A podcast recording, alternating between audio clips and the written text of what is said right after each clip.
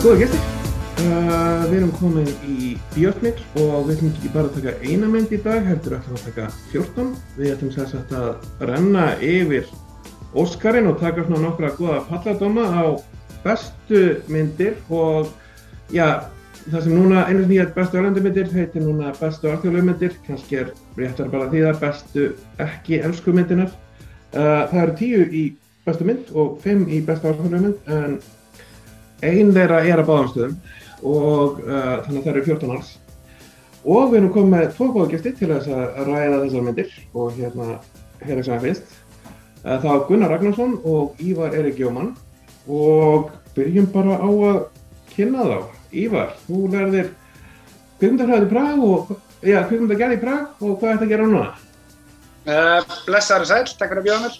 Um, já, ég lærði fyrst BI heimsbyggi heima, svo tók ég eitt ár í Prag, FAMU, sem heitir APP í kvikmyndarleikstur.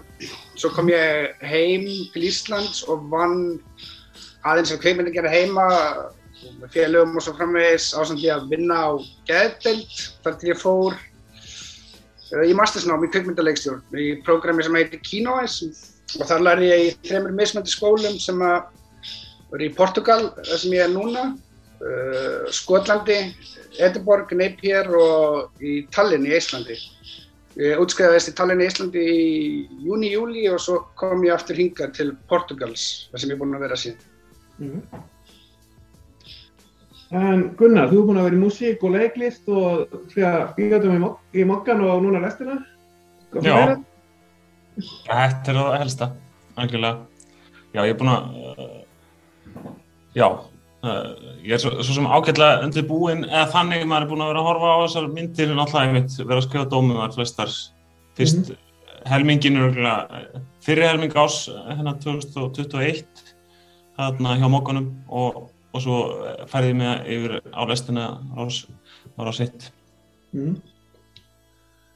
En ef við bara dempum okkur í myndinar, en kannski áður um að gera það, uh, er ykkur svona sem að ykkur finnst vanta og við byrjum kannski bara á erlendu og tökum svo kannski sama rútin með hérna amerísku og bresku. Uh, Ívar, eitthvað sem þið fannst vanta í bestu erlendu? Það er rétt að segja, er, er, er einhverja myndir sem ég er ekki búinn að sjá, sem eru, ég veit ekki, sem eru kannski ekki Óskarsvænar, Uh, Memoria eftir uh, Abby Chapton er ég mjög spenntur að sjá. Uh, svo náttúrulega svekkjandi þannig að dýrið hafi ekki komist inn fyrst hún kom svona nálagt í sko. Ég var mjög reyðun af henni það hefði verið mjög gaman að og bara stert fyrir Íslands bíó að hún hefði komist inn. En annars er þetta bara fimm myndir og daldi fjölbreyttar og ég hef séð fjórar af þeim það væri, væri enda gaman að það myndi kannski fjölga þessum fimm myndir í tíu eins og í bestu mynd sko, bara, bara vegna þess að þetta er gott, uh, gott fyrir myndinar að komast ángað inn og býr til svona sínileika fyrir þær. Það er líka einn finsk mynd sem ég mjög spenntur að sjá uh, hvað lestavagn, lestarhólf, compartment number 6 Já. en ég hef ekki komið Já, en ég hef ekki komist í hana, þannig að nei, ég er ekki með neitt sérstækt kannski sem ég finnst að ætti endilega að vera einni frekar en annað. Ég hef með hérna, ég veit að kljóðanum að strax er Cindy Biopartys miðjón april. Mm -hmm. Það er einmitt akkurat myndi sem ég er mest fyrir að það sé ekki hana sko. Það er alveg hérna, magnum minn sko. Hérna svona, já, bara stemningin og einmitt bara svona að sjá þetta Rúsland í, á tíundu áratögnum eða á að giska, það er alltaf ekki fram en hérna, en já uh, en Gunnar, eitthvað sem þú segnar Já, ég, ég er svolítið mitt ár mitt á myndunum stýrist bara mjög mikið á hvað er búið að vera bóða á Íslandi. Ég er svona, uh, svona tómstunda áhórið þá leita ég kannski frekar bara til síkildu Hollywood eða eitthvað. Og ég er líka búin að sko vera að geima myndir. Vist, ég er ekki búin að sækja neitt ólulega þannig að líka með sko fyrir utan hvað ég er dagfarsprúður þá líka í þeirri vona ég fái er að fara að skrifa um þær skilur en ég, það er kannski frekar myndir sem ég ekki séð og er spenntu fyrir hana, eins og hana, ég var nefndið með Móri á og kannski Hanna, það er náttúrulega líka hana Le, Le, Le Petit, eh, nei, bara Petit Maman, ekki eftir Selín Skjama, en mm. svo veit ég ekki hvort að hún hefur kannski líklega ekkert fengið útnefninguna, þetta stýrist náttúrulega líka því, hún hefur kannski ekkert fengið útnefninguna hjá frakkonum. Það passar, ég held að sko Titan hefur útnefnt fyrir frakkana, þannig að bæði, uh, bara sem dæmi, Petit Maman og hérna Bergman Island hafa þú ekki fengið inn hjá frakkonum sko. Og úræði því var að spánunni sendi ekki Almodóvar þetta skemmti sko. Og gerði það ekki? Já, ok. Nei, veitu, ei, Ívar, varst þú ekki búin að sjá hérna þess að sem var sendt? Nei, nei, ég, nei, ég hef ekki sendt Það var einhver annar að segja um frá því Ok Þannig að fórum þetta að sjá hver, hver vann Almodóvar að vissu þetta þar sko Já, já, akkurat Já, líka þessi að Það var náttúrulega flott sko hún er svona, eða svona sérstæð mynd en mm -hmm. En ekkert eitthvað endilega betri en þessar sem eru tilnændar sko. Nei. Við hérna, já, kannski bara skellum okkur í það. Uh, byrjum bara í Nóri, það eru tvær skandinaviskar. Uh, frá Nóri er það vestamanneski heimi, vestins vestimannesker. Það er Jókinn Trýr sem, já, fjallar um ástarsamband, uh, unga konu, svona sem er, veit ekki alveg hvert hún er að fara í lífinu svona framan af og gerir svona á nokkuð langum tíma og já, svona ástarrýningur og Gunnar, hvað fannst þér um þessa vestu manneski heimi? Já, það, þetta er í Sánarif og hann var náttúrulega gestur Jókim og mm. hún er, mér finnst það bara rosa svona fjö, fjörug þó hún sé náttúrulega líka hann tekur líka á þungum álum lífsins en hann, já, bara svona kvík einhvern veginn e, frásögnin og já, bara öll kvíkmyndagerðin minni mig eh, finnir líka svona minni mig á svona hérna, Terms of Endearment og, og Stealing Magnolia, svona bandarískar hérna hvernamyndir hérna frá 80's og 90's mm -hmm. er það svona skáldsögulegt sko að hérna þessar eh, bandarísku myndir er potið aðlæðanir sko af bókum og mm. þannig að uh, fjallar um svona hann að marga ára skeið í lífi mannisku og, og hún meðanst líka fylgja þeir, því svona frásagna minstri sko hann að hún kannski misti mig aðeins að uh, mér fannst þetta of svona formúlikent sko í endan hvert að fer, að fer hérna verður uh, svo ég spóili hérna aðeins en ég reyna að spóila sem minnst að vera andlátt hérna hjá mikilvægri personu og eh, í þessum törsunum dýrmynda og, og Stíling Magnólias þá er alltaf aðalpersona sko sem deyr en, mm. en hérna er hann smá það er eiginlega sko það er eiginlega búin að tvista frá þeim þá, þá í staðan fyrir að hún eigi ving þessi aðalpersona virist hver persona virist ekki eiga neina vingkonur það eru bara kæristar í staðin mm en, en já, mér finnst það hún er náttúrulega skemmt, líka bara mjög leikið mörg svona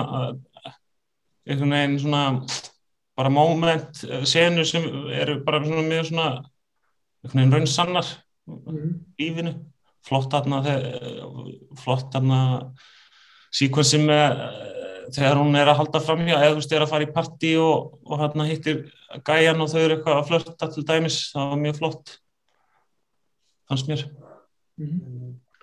Uh, Ívar Já, ég var ég var mjög spenntur fyrir að sjá þessa mynd sko.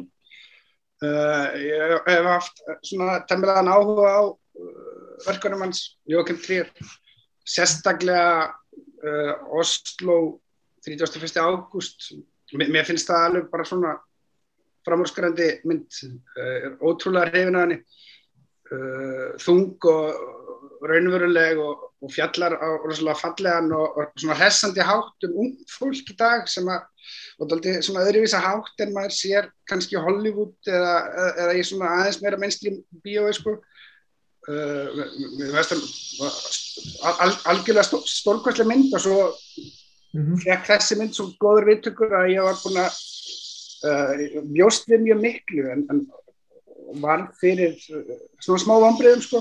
Ég, ég get alveg tekið undir að þetta sé sterk mynd og, og, og margt vel gert uh, og á sérstaklega svona góð móment sko, til dæmis þetta móment sem að Gunnar er að vísa í og svo sena sem er við sem, sem, sem, sem er í gardi við spítal og tengist þessari senu uh, uh, þessu andlandi sem Gunnar minnist á.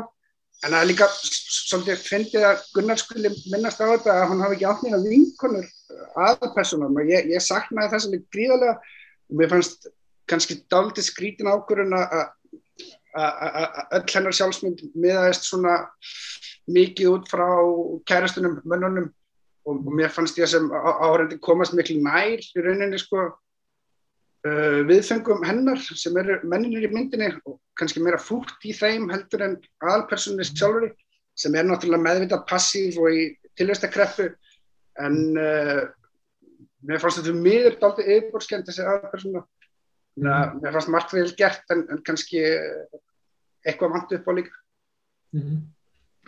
Já, ég var eiginlega pínu sama stað og ég var sko hérna ég var spenntur og var fyrir smá vonbregum og það er kannski bara mér finnst einhvern veginn trýr bara betri í þunganum mm -hmm. og það er svona hvað sem er einmitt eiginlega endirinn bestur svona reynlega út af því að þá var kannski okkur formóli og þá var svona bara þarna var hann á heimaverleikunni sko.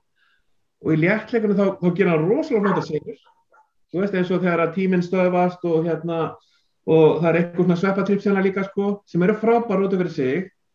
En það var eitthvað neginn sko að næri ekki sko dýftinni í aðarpersonuna og einmitt þess vegna eitthvað neginn svona þú sér ógeðslega vel ekkil og þú veist uh, í sjálfu sér forveitnilega sagnarsföður en það eitthvað neginn bara vantar að já dýftin kemur kannski endan hún kemur þá maður búin að vera með henni í 90 minnur sko mm. -hmm. Já, ég upplýði að mér svipa sko. Og ég horfði líka á hann með kæristunum minni og hún, hún var á nákvæmlega sumu buksunum sko en henni fannst vanta einhvern svona meira raunveruleika í aðalpersona eða eitthvað svona meira sem að gera hann einstakka eða, eða hérna, eitthvað svona krydd sko. Eða bara aðeins mannleiri en, en, en, en ég meina þrátt fyrir það þá verður það ekki tekið af Jókim Trýra þetta er mjög öflug velgerð mynd að langmæstu leiti og ég er meðan við mynd sem að mér finnst í rauninni að vera meistaraverk sko og, og þú veist, fólk gerir ekki meistaraverk hverju ári eða í hverju mynd sko. Mm. Það munir kannski eftir að það er ön, hérna, að, hérna annar kærastir, hann er myndasögur hérna höfundur og það er eitt sem að gerist hérna, ég fór eitthvað hérna, svo sem teiknar fyrir hann mm. er hérna sem var ég í Malmö stutt eftir og ég var platið að kaupa þessar hérna þrjár Anni Anka sem er sem sagt sko svona sænska drikkfælda bóhemska útgáðan Andri Sönd sko og ljóðarska Búkáski Andri Sönd eða? Hæ? Er þetta eitthvað Búkáski Andri Sönd? Já, það er og ég finna aðeins bara að byrja að klukka í það sænska minn er ekkit frábær en hérna lúkar mjög vel sko, hinga til. Hérna en já, við bregðum okkur svo til Ítalju, hönd Guðs Ívar. Já. Hönd Guðs eftir Pála Sorrentino sem er náttúrulega bara svona alþjóðlegt stórstjarnar í kveimindi og sló svona algjörlega í gegn með uh, fegurinnu miklu hvað Grande Bellezza, Great Beauty.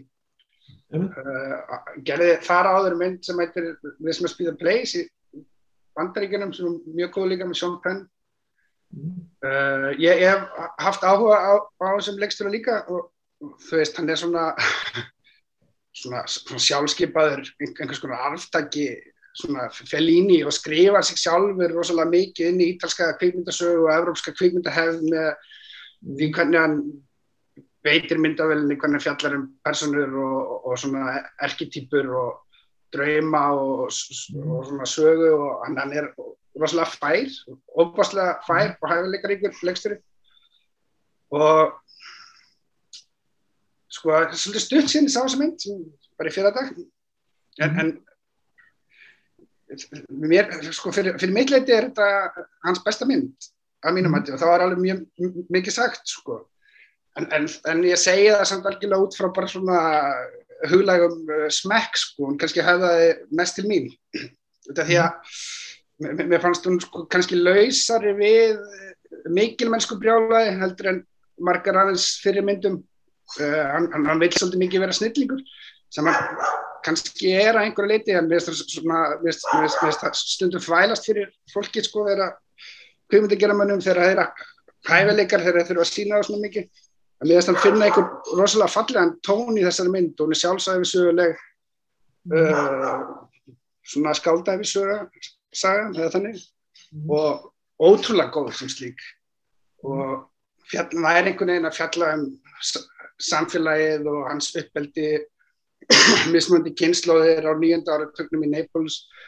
Og gera þetta raunina í grunnuna mjög einfaldan hátt, hann fer í þessi svona grunnadrið í uppeldi unlings, eh, fyrsta ástinn, fyrsta dauðin uh, og svo að velja hvað maður ætlar að vera en hann gerir það bara ótrúlega fallega finnst mér, ótrúlega mikil í nefni og, og bara fegurð sko. Mm. þetta frábæra mynd. Já, já, bara svo, ég glemdi að kynna námiðlega þetta er þess að uh, títilin vísar bara í þess að fræga hann Guði sem Maradona og hérna hún gerir sér Napoli þannig að það eru allir hérna og byrjar eiginlega þegar Maradona er svona við það að vera keiftur til Napoli og er, en er sjálfsæðusögða alkvæmstunar og svona snýst um ákveðin hverfi hans lífi og hérna bara mjög svona skröðu persónugallar í, í Napoli og sko ég hef eftir að sjá uh, svona eina stórmyndur að sé auknin fór, fór framhauðu er hérna Great Beauty en við sem betri heldur en þessar ræmur sko sem ég bara sjá, sjá hann hérna uh, This Must Be The Place og Youth sem ég fannst einhvern veginn sem frekar með sko, missamlegnin en já það er bara eitthvað þú veist þetta er eitthvað brála persónugalleri og þú veist uh, svo nærur mann einhvern veginn sko betur af að það var einhvern veginn svona fyrst er maður að skemmta sér yfir svona skemmtilegu karakterum sko sé svona hægt og rólega fer fókusin á á hann og svona ákveðin líkil sambönd sko sem að kemur þungi í sko og svona, já svona eins og pínu svona hægt og rólega sumar myndin í fókus, fókustillir sig sko og verður en leiðir sér samt að hafa allt opið líka í lókinn sem á pínu falleg sko hérna uh, hvert þessi strákur fer þú veist, það er einhvern veginn er ekki gefið myndinu þó að maður getur náttúrulega, þú veist flett upp svona tína sjálfum á, á internetinu sko, eftir á mm. en Gunnar, hvað fannst þér? Já, þetta er náttúrulega, hún er á Netflix þessi mynd, sem er náttúrulega líka mjög áhugavert fyrir svona, eitthvað, hérna áþórlegan höfunda leikstjóra uh, sko, já, ég með, hún komið mjög óvart, mér finnst þú bara mjög skemmtileg, sko, hérna að því að Grandi Villetsa sko, fekk svona smá það er eina myndi sem ég sé eftir hann sko. ég ekki sé hérna, langar að sá það núna hann að það var svona, svona ofgnótt eða svona aðeins hedonisma eitthvað hérna og, og þú veist hún er ótrúlega flott stílist og algjörlega saman og yfir hann er, hann er mjög, hann er rosalega flott stílisti en, en hún, að því hún er svona já, þetta, það, það er meira um sko, náttúrulega um svona þennan miðaldara þannig að höfunda stjórnunu sem sem rögla kvasi fulltrúi hans sjálfs í frásögninni. Um, en já þessi, þessi mynd er náttúrulega sko Napoli líka sem sögursvið hann að ótrúlega flott. Og ég kannski ekki séð það marga myndir þar sem maður er í Napoli og bara hvernig hann myndar hana í þessu ótrúlega fallett og, og nokkar að bara fara ángætt en Já, þetta er náttúrulega, þetta er bæðið, þetta er svona, einmitt, tilröðsað listamanns sem ég, ég er verða viðkynna, ég er afskaplega veiku fyrir, þannig að ég er svona markkópur hann og náttúrulega, en þetta er líka kannski það sem ég gerði mig ekki spenntan kannski fyrir henni, að það var, þetta hljómar og þetta er rosalega svona erketypísk, hann er að fylgja bara í þessar allir, hann að kalla höfunda að hérna fjallum eigin hérna að missa syndóminn. En já, en hún er bara mér fannst hún mjög skemmtilega hún er náttúrulega alveg blossandi gretta í þessari mynd en á líka samt ótrúlega þú nefnir personugallir í ótrúlega skemmtilegar hérna líka personur og kvennpersonur mjög fjölbreyttar og skemmtilegar mm -hmm. og bara já, ég er ekki heldur alveg búin að melda hana kannski, það verður gaman að skrifa um hana eða svona prósessum að meira sko, en hann að bara svo mörg, margir skemmtlegir kaplar og náttúrulega svo líka með fókbólta, Maradona tenginguna þetta, tikkar einhvern veginn í mörg bóks hjá manni og svo líka skemmtilegt sko hann að því við tölum um Fellini að, að það náttúrulega er ávarpa beint í myndinni veist, Fellini, að Fellini er að kasta eitthvað og, og bróðir hans er að reyna að komast í Fellini mynd og, mm -hmm. og þá eru hafðar eftir þessar línur um realisman hvað, já, hvað bara er ekki eitthvað realismin sem er svo leiðilegur eða þú veist Já, eða raunveruleikin segir það bara Já, raunveruleikin sem er leiðilegur og þú veist, og þetta er náttúrulega líka til að setja þetta svona manifesto fyrir mm. Sorrentino náttúrulega sem er eins líka skemmtilegt sko upp að hann er að sviðsetja í líf og er svo greinlega að taka sér skáldarleifi og hérna það, það finnst mér líka bara svona skemmtilegt upp á ákveðna senur og þú veist bara hvernig þær eru sviðsettar eitthvað en að þeim það verður líka til svona smá svona artifice eða svona hann er ekki að já, þú veist rosalega flott til dæmi senan með honum náttúrulega á spítalunum að að hérna fá fregninar af andlátti fórildra sinna sem ég má í, í spilli hérna það, það er líka kynningaðarninu myndina og svona. En en já, það, það var svona sena sem ég fannst einmitt rosalega flott, hann heldur henni bara viðri, bara samföldri hann þegar hann er að gráta einu og það ég, það, mér, já, ég fæ alltaf svona kikk út í því að hann hann er að láta hérna leikar, hann leika þetta rosalega tilfinningarlega og mér fannst þetta svona skemmtilegt artifis en líka tilfinning á sama tíma í, í þeirri senu mm.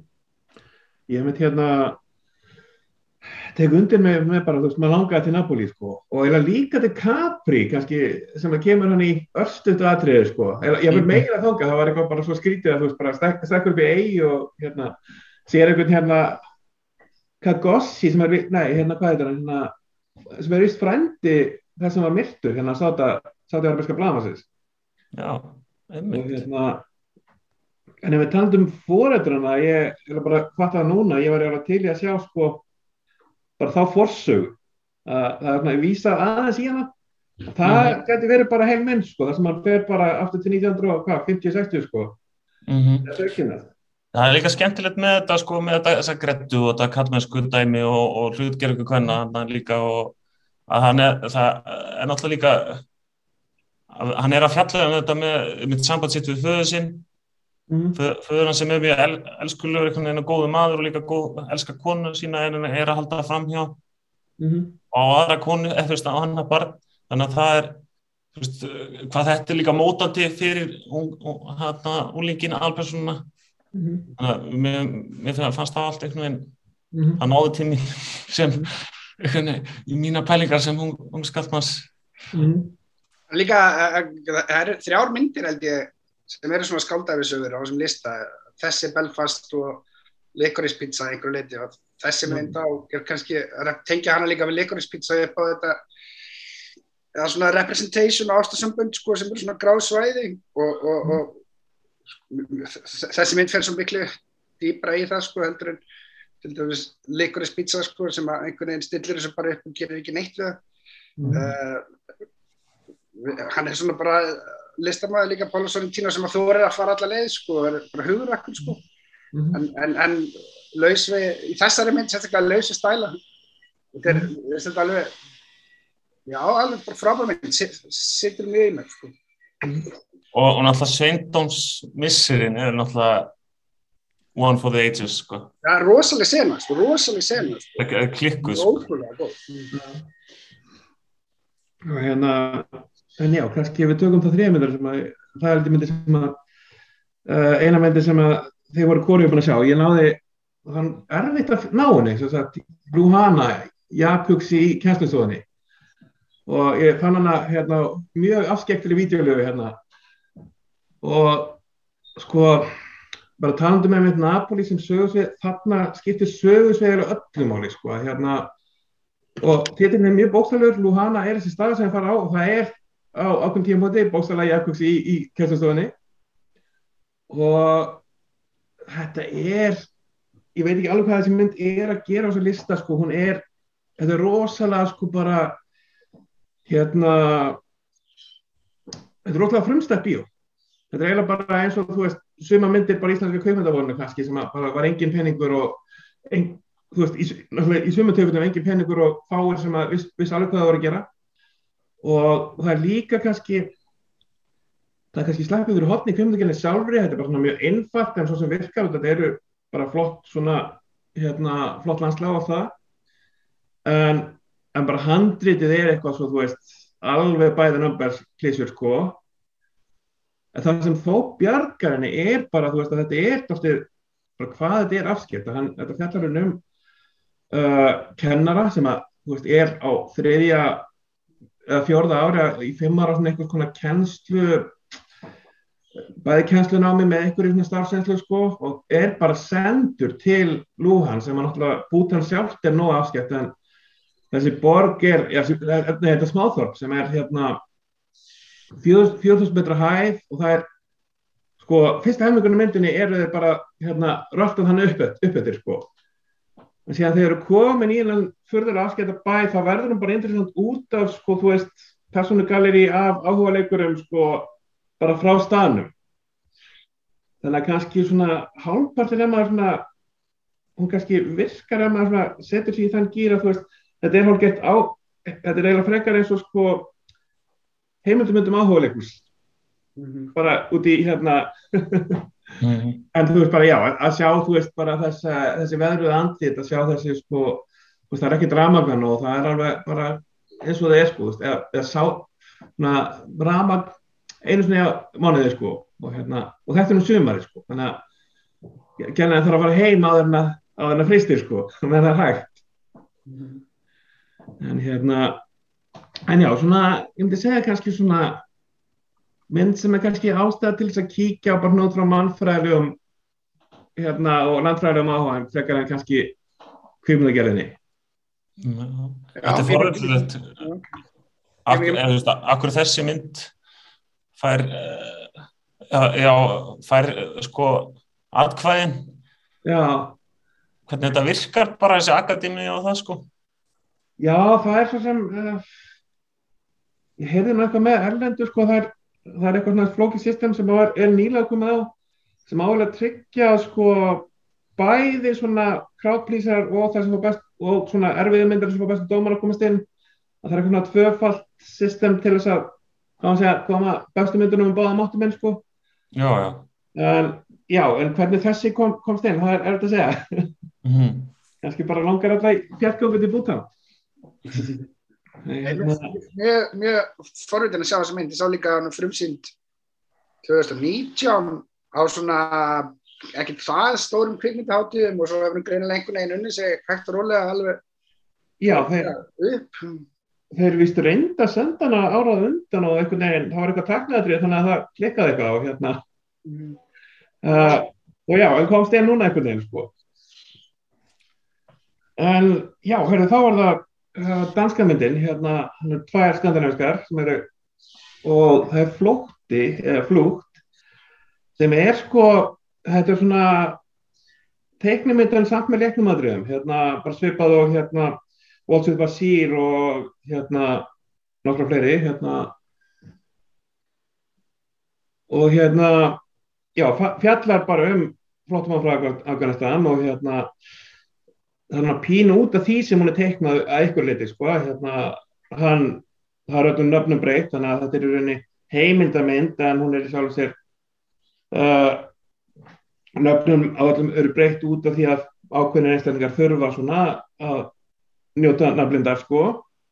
En síðan eru leikinatri nei, síðan eru hérna ekki leikinatri síðan eru uh, aðrið sem er ekki teiknað það sem er bara sko í rauninni frá til dæmis Afganistan 1980 eitthvað, 1984 cirka. Og þegar, þegar hann er strákur. Og síðan skiptir yfir að hann og þá, þá er tegnað sko. Og, og já, það er ju sjálfsög bara svona flótt að manna að segja þess að mann hregst til frá Afganistan til Moskvu og loks til Danmarkur en Ívar, hvað, hvernig fannst þér? Um, Já, ég ákvaður í dag sko, kannski bara ástæðan svo að við byrjum á góða myndunum, en mm -hmm.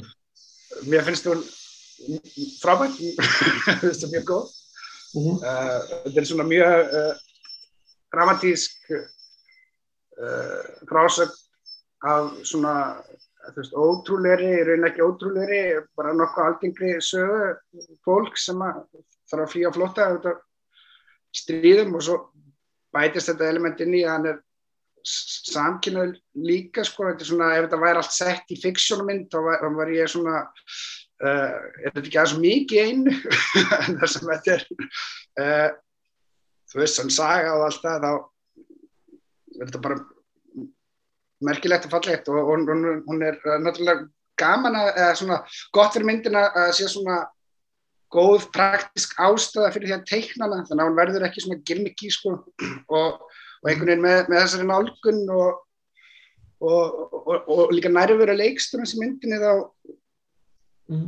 þá verður til eitthvað svona mjög mannlegur tótt sko, þeirra sambandi og hvernig kvikmyndi gera maður fjallar um subjekti sitt og mm. hvernig hann byrður virðingu fyrir subjektinu sín og leifir subjektinu líka að hafa áhrif sko, á kvikmyndigerðina og maður finnir fyrir svona, svona góðum tengslum hann á milli mm. og svona og með þá ástæðið, þú veist, að segja sögum hans og vera með skilabóð til alheimsins, bara, þú veist, pólitísk mhm. skilabóð uh, sem er ekkert að öskra hátt eða, eða, mm eða, eða kvíslafallega, sko, og hann gerir það einhvern veginn á hann síðunemnda hátt, sko, og nærmann er bara mjög vel og bara risti djúft og og svona, maður bara í svona í táraðist og allt sko, þetta er svona voðalega fallið mynd, mjög góð.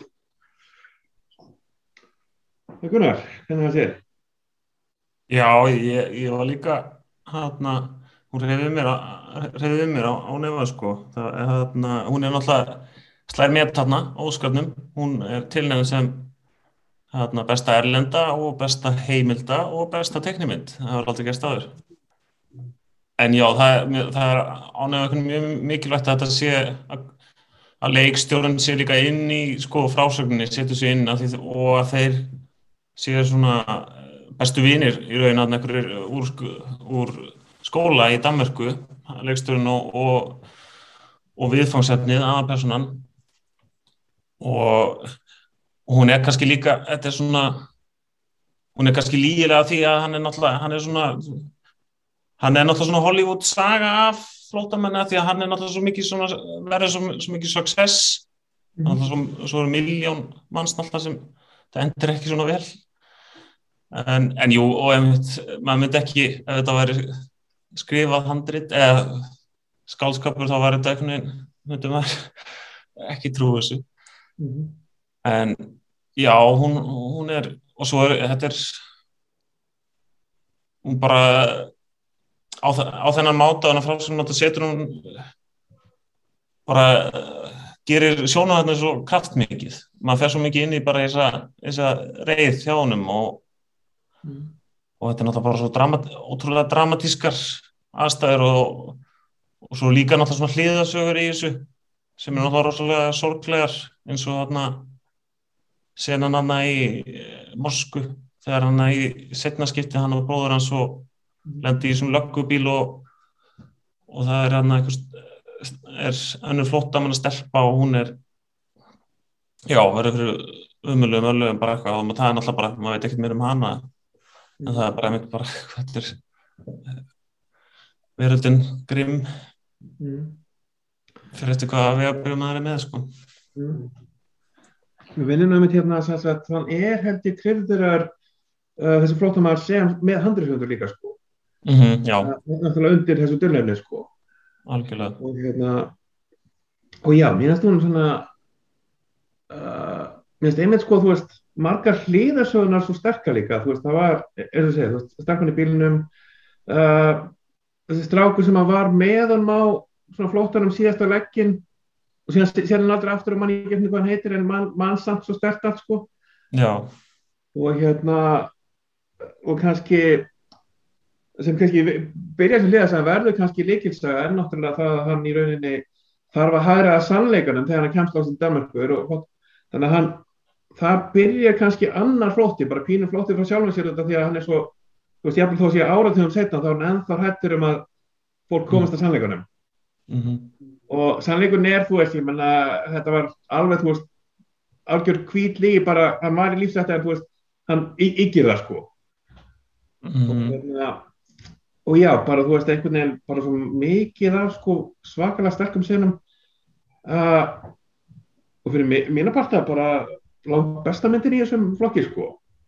Mhm. að hérna, einhvern veginn svona bara langt kraftmæst og svona setur einhvern veginn langt mest í manni sko. Hún er lótur ósað miklu hilli sko og, og ná mikið til dreifingu. Ég hef kannski glemt að taka fram ég sko reitstýrði dagskrápræklingi rið svo hagsmunni en, en, en flýfa líka hún var frumsýnt þar og hérna bara fló vel valin á dagskráptildinni með hátíðinni. En svo voru líka sýnt í bioparti sem, sem sko hluta af að því hún var tilnönd þarna kvikmyndavelun Nor Norðurlandarás sem ég nú, veit ekki hver vann en mér stóð umvel, hvort hann finnst það svona að vinna en ég þarf ekki að fara með það. Já, mér finnst ekki að nálega líklegt nema að, að trýr hafa vunnið eða eitthvað en mér finnst það nálega líklegt að þessi hafa vunnið sko. já, nefnir og hérna, talandi um með sko þessa þrennu að hérna besta heimildamind, besta teknamind og hérna og besta erlenda. Að þetta er samt þriðja myndinum í stöndum tíma sem er sko ef mann rétt sem er sko bæði heimild og erlenda, það er eiginlega eitthvað nýtt trend sko hérna, hérna Honeyland Magnúsk var fyrst til þess bara fyrir þreymur árum held ég. Mhm. og bara ekti við rúmanska þannig að allt í enu eru svona blönd farin að senda heimildum þannig að ég veit ekki, kannski ætti Ísland bara, það ekki verið að taka bara séfnum skjaldborga næst og sjá hvað gerist. En hérna Þa, það má alveg auka hróður heimild að gera fólk sína hér á landi sko. Mm en heyrðu, þá erum við komin aðeina sko, lokapunkturum í þessum hluta og hérna uppáspunkturum í þennan hlutunum að hérna taka My Car sem er sem sagt til enn báðum einn sem er svona varða ágengara, kannski þetta eru tíu en ég meina Parsons vann fyrir tveimur ára síðan. Mm -hmm. uh, Jafnbjörnsmynd uh, byggð á smásögt í Murakami sem er svona líka orðið afgengt að Burning var það náttúrulega líka fyrir korska myndin fyrir svona þreim ára síðan. Og já, fjallarinn um uh, leikstjóra sem að vissi konuna sína uh, og fer svo að setja upp eitthvað tjekkumleikrit uh, og fær bílstjóra sem að titlinni vísar henni til að hérna, það er alveg pínu þrengu þetta, hann vil keira sjálfur sko en það er einhver, var ekki einhver tryggingamáli eitthvað fjandil sko sem verði til þess að hann fær hennar bílstjóra? Sem er, sem er ung stúrka svona um tvítut sko. Mm -hmm. og já, uh, Gunnar, hvernig var þér þessi rundur?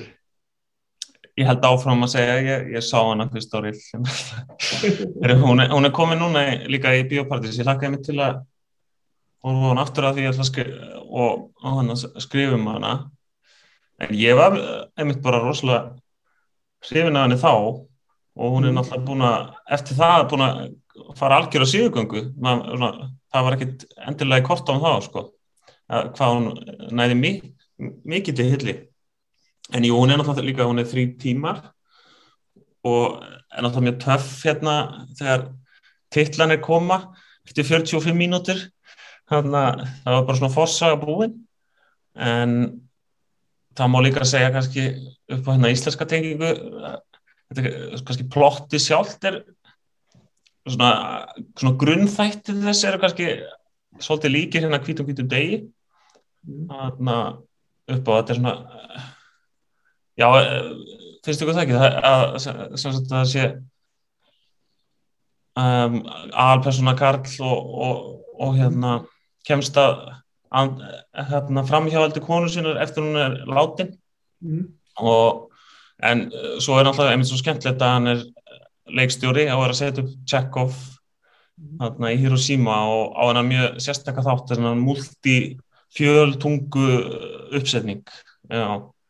og ég uh, það sá, svona, sá ángi söguna höfða líka mjög mjög til mín, ég elskar svona leikus í bíói það ógæðið skemmtilegt og þarna þegar hann er að læra lí, línunar í, í bílnum. Já og mér, svona heilt yfir mynd bara takturinn í þessu mjög skemmtilegt og kvikmyndatakkan. Um, ég hórið á hérna fimm klukkutíma myndin hans núna bara fyrir stuttu síðan Happy Hour sem hann gerði. Og mér finnst ótrúlegt eitthvað þessi, þessi gæi, sami gæi sem gerir þá mynd sko sé nefnt, bara uh, tilnöndu sem besti leikstjóri og Óskar núna, þetta er eitthvað svolítið æventilega ferðið með að hvað, hún er svona mm -hmm. en ég held að það, mikið með það að segja líka kannski er svona sko stefnumót kvikund að gera maður við sko etni viðin sem er múri Kami Sagan hún, hann alltaf það gefur þessu kannski með líka svona svona svolítið góða svona, gera hann svona aðgengilega mér, mér finnst hann ekkert svona fullkominn það var kannski þetta bílstjóra dæmi sem ég fannst svona svolítið svona smá svona alltaf svona en, eh, kannski endan svona smá svona hérna svona nýtt eða svolítið svona eitthvað svona eitthvað við það samband eða svona bara svona sem svona frásögn verður svolítið eitthvað matta með með ykkur en, en að því sögðu finnst mér þetta við fyrst áfram áfram fannst mér þetta alveg frábæða mynd sko. En ég var ja. Já. Ég, ég, ég, sko ég hef reynd að tala við þess að ég hef reynd að tala með þessa mynd við margt fólk, ég hef volið erfitt með að tala um hana, ég veit ekki alveg mm. af hverju það er. Ég mér finnst það sko alveg ótrúlega góð mér finnst þetta bara besta mynd sem ég sé bara mjög lengi sko. Mér, fyrir, mitt leit er þetta besta myndin uh, mínu uppáhaldsmynd sko mm -hmm. af öllum þessum tilnæmdu myndum. Um, einstakar sinnum þegar maður er í einhverju ákveðinu skapi og, og, og, og setur á mynd og dáleðist gjörsamlega og er heitlaðir og, svo bara svona þegar svo verður maður einhvern veginn alveg rótaður sko eftir, eftir að myndi klárast. Ég veit ekki alveg nákvæmlega af hverju. Það er einhver svona við sérstakur galdur í þessar mynd sem að uh, reyf mig alveg svakalega sko.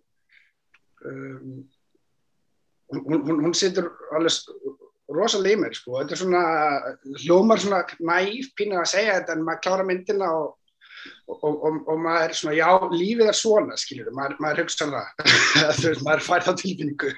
Og það, það er svona mjög fá listaverk sem maður geta haft þannig áhrif að mann og maður veit ekki hverju og maður langar bara að þeia, sko, kannski fara í göngutúr og, og svona melda þetta, sko, en hún hafði svona áhrif að mig, sko, mér finnst þetta mm. stórkosli mynd, alveg bara, ég get ekki mælt nægilega mikið með henni, sko. Já, það, núna þarf ég að vera fútt á móti sko. ég er svona alveg, sko, mér þáttum, það er 90 mynda myndana inn í þessum þrejum tíma sem er þín sko. En ég var alveg sko að drepast úr leðendum á tilgangslegið sko fyrstu 45 myndina fram að kredilistanum.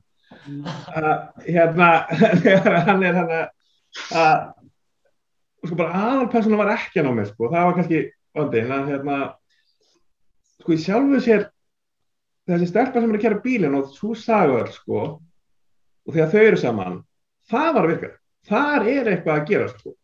Og það er alveg frábær 90 myndir mynd þar sko sem er þetta að klippa einhvern veginn það vera með þess að fljótlegt að klippa það sko veist, bara þessa 90 myndir út sko. En síðan sem er mjög interessant sko með leikus þegar var, þetta var þetta fjórþjóðlega mér fannst það bara ekki einhvern veginn bara vera nógar gert sko.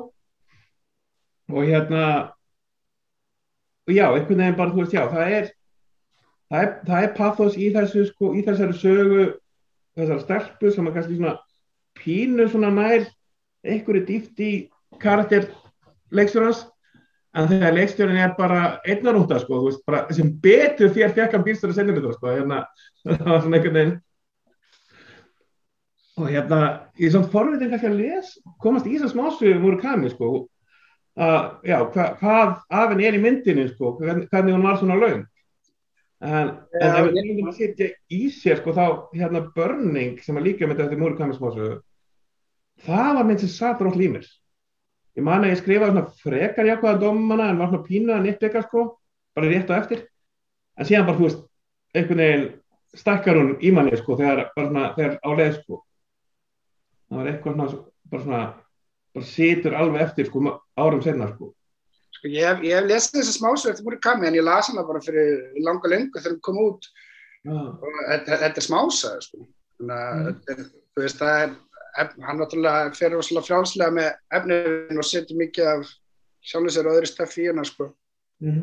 en hérna já, svo sem ekki til sem heitir, heitir að vera full á móti í listaverk, bara verka mismundi á mismundi fólk þannig að mm. það er náttúrulega bara besta mál sko. mm. En hefði, hérna þá erum við komið með hérna og aðeins byrjar á hérna bestu myndum, bestu ennsk-amerísku myndunum pluss japansku uh, kannski áður við förum í hinnar nýju er eitthvað sem eitthvað finnst vantar svona í, í þær? Eitthvað masterpiece sem að eiga að vera lista? Ég myndi segja kannski þannig að ég sko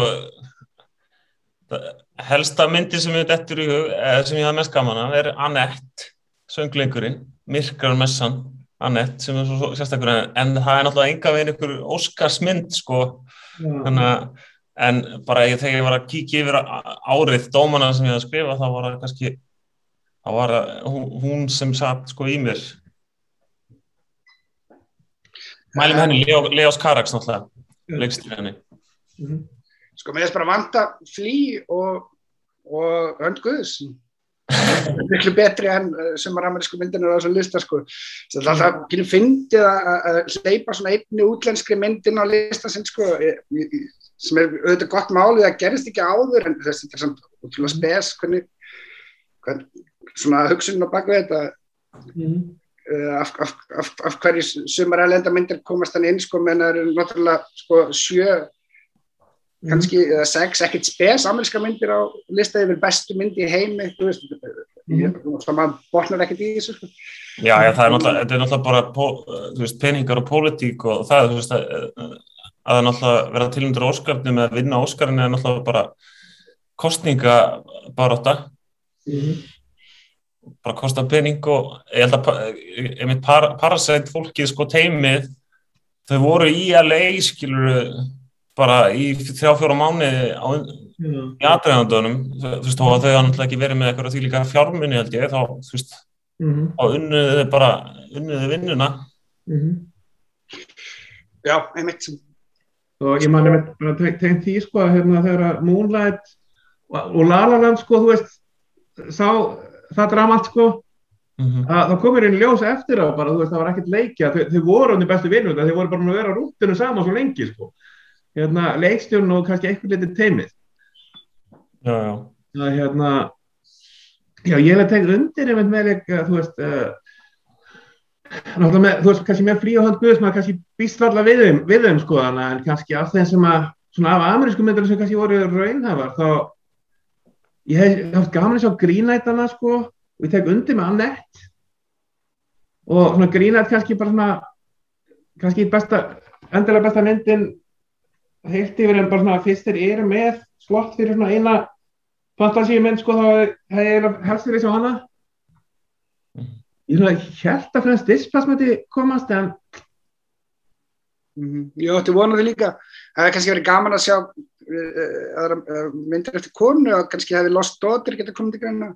Já, hann veit Það komur smá óvart að hún hefði komast að því hún er með besta handrit og, og hún, eh, hún, hún er að vinna var, var ekki Gilnóður var, eh, var ekki Spirits Awards þannig að það er bara flott að hún sé gera, gera gott game annars þar sko en mm.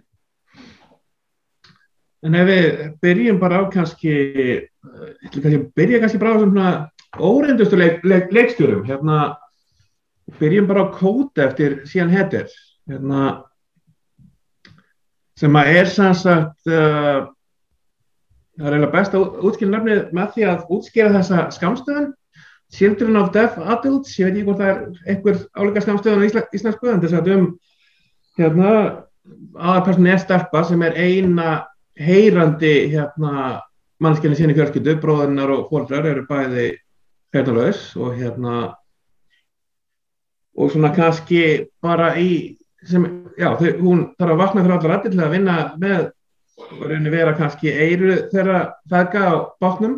Pluss það náttúrulega bara að vera vinna fisk þetta er svona, þau eru einhverju litlum, gerur einhvern lit, lítinn bát fjölkyndan og hérna en svo hérna er hún með þessa draumum að hérna fara í söngnám. Hún, hún er þannig að sem sagt bara loka ári í school sko. Og en vandin er að hérna þau þurfa hann þessi túr þannig að það er pínu dilemma þannig fyrir stefnuna en Gunnar, hvernig það þér? Já, ég náði ekki þessari, þetta er sko eina fyrir utan á bútvansku og þetta er eina myndir sem hefur ekki verið sínd á Íslandi. Já, það og ég, þannig að ég held að og ef mitt bioparadís þá held ég á nú mikið heiður í að, að allar þessar myndir hafa verið síndar sem mér, mér finnst merkilegt að það er svona 15 sko Þannig Ívar, hvernig, náðu þenni? Já, já, ég sá hana. Ég var alveg svona, ég hafði ekki teirt um þessa myndir enni fyrir að vorum að fara yfir hennar lista. Og ég var svona daldi áhuga samur að sjá þessa mynd út af þessum titli sko, ég þekki mjög vel strák sem að kæristi sýstu minnur sem að er alveg upp að hérna þessu fólki sko. Og, og ég var oft pælt í því hvernig það hefur áhrif á hann sko. Þannig að ég held að það var eitthvað í hérna í efninu sem að höfðaði til mín en ég veist, já, þetta er, þetta er kannski skrítið þessi mynd sé til nefn til Óskars. Þetta er svona mjög vennileg coming of age uh, svona Sundance indie heim einhver. Og sló í gegn á Sundance, eða vann hún kannski eða? Já, það var stóra myndinu mjög stið Já, hún, hún var eitthvað seld allavega, hún landaði einhverjum stórum svona samningum eftir Sundance Sko ég, ég er ekkert búin að flettina upp sko en, en við erum bara sjást á henni að hún sé söndansmynd söndanspromotor er svona okkur að tegunda myndum sem er reynda mér, mér finnast oft mjög leðilega sko. Svona, daldi svona indie hitrar af lager sko finnst mér. Og, og, og mér er þessi mynd rosalega formálíkend og fyrirsjáleg og er bara ekkert spes sko og, og ekki fara djúft í subjectið sko.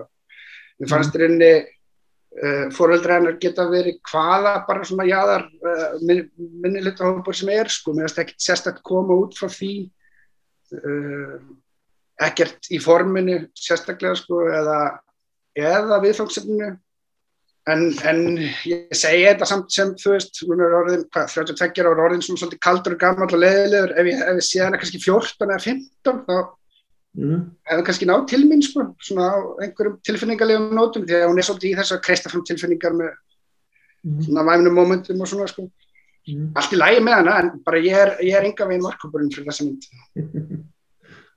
Já er ég hugsa þess að þetta er í grunninn bara klassísk ungjamynd og svona plottið þannig hann hefur kannski það sem kemur náttúrulega þanga og óskan er að hún hefur svona smá húk sko að það er eitthvað óverðt við hana, það er þetta hérna heildanleysi og fórðurna og mér fannst þú reynir bara mjög fín sem úlingamenn og sem ég finnst bara almennt bara úlingamennir margar hafa hefðu mátt koma sumar sko. Og hérna sumar kannski frekar en þessi en mér fannst þess alveg sko sammálaðið hefði kannski verið að kafa dýbri í það en að sumaliti í þetta ástand en að sumaliti var, var kannski bara gott að gera ekki. Já, ég er eitthvað að hugsa það líka. Lætist að mér ég var að pæli henni gæra kannski er það hálft líka að það sé ekki verið að kafni dýbra og þeir fá bara svona frekar vennilegt representur, svona vennilega byrtingamind bara eins og vennilegt fólk sko sem, sem allir er sko sem er, sem er kannski bara ákvörðin sem er góð sko. Ég er kannski nátt fyrir mig líka með þess að ég voru að segja. Þannig að það er bara mjög góða punktur. Og sko, pappin er mjög fórðarinn og kannski sérstaklega pappin alltaf Marley Martin er svona stjarnan í myndinni sko sem er leikum mömmuna. Og pappin var svona bara svo fyrir kartur sko. Mm. áægla bara eitt besta mómentið í bara öllum þessum myndum sko hérna þegar sko þú veist myndin er eina mómentið þar sem að heiltaleysi er sínt sko. Að veist það skrúa fyrir bara á meðan tónleikum þá skrúa fyrir hljóðið. Og sjáum bara hann einhvern veginn pínu týndan en svona reyna að skinja músík bara gegnum andliðinni kringu sig sko. Sem var alltaf skemmtilegt. Já, það er tvö góða móment í þessar mynda þetta móment með að stendra uppbyggingin aðeins svolítið pyrrandi því að það fór svo mikil orki að sína sko fyrst sko objektivt hvað hann var frústyrraður og hvað hann leitist en, en, en þegar þessi skipting kom sko í hans uh, sjónurorna var að áhrifaríkt og svo var líka áhrifaríkt sena þegar hann vil sko heyra hann að syngja með því að snerta ræðböndin sko, var allert moment. Erum kannski pínu, þegar á líður verður samt sko þessi tókstreita það sem fórður er að vissulít orðni börnin og það er að þeir bara eru svo hrettir að missa þetta og hún er svona þeirra tólkur, þeirra tenging við sko, við svo margt.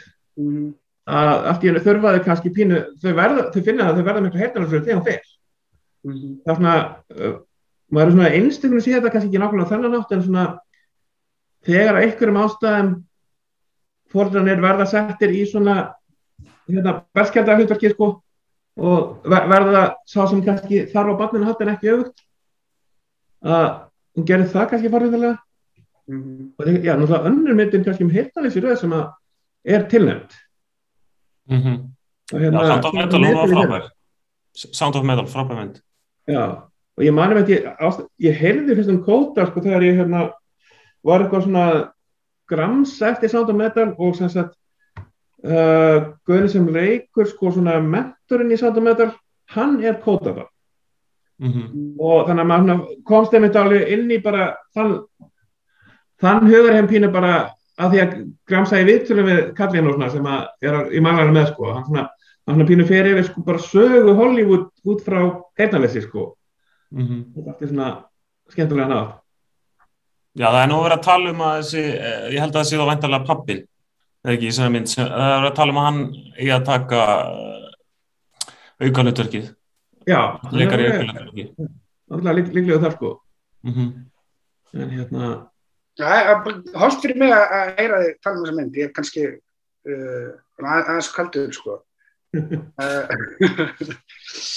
er að tala í það til.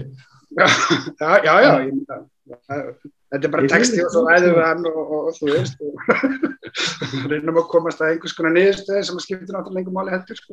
þetta er bara, bara bíó. Þeir eru að taka saman hvaða úlingamöndir hafa komið sko. Þannig að Juno Rebluð að það kos er náttúrulega mynd, hún var tilhundum kannski ekki mikið meira sko, þú veist. Ég ætlum með Sönsen var alveg að kalla hana úlingamynd af vissuleiti Jó, þetta.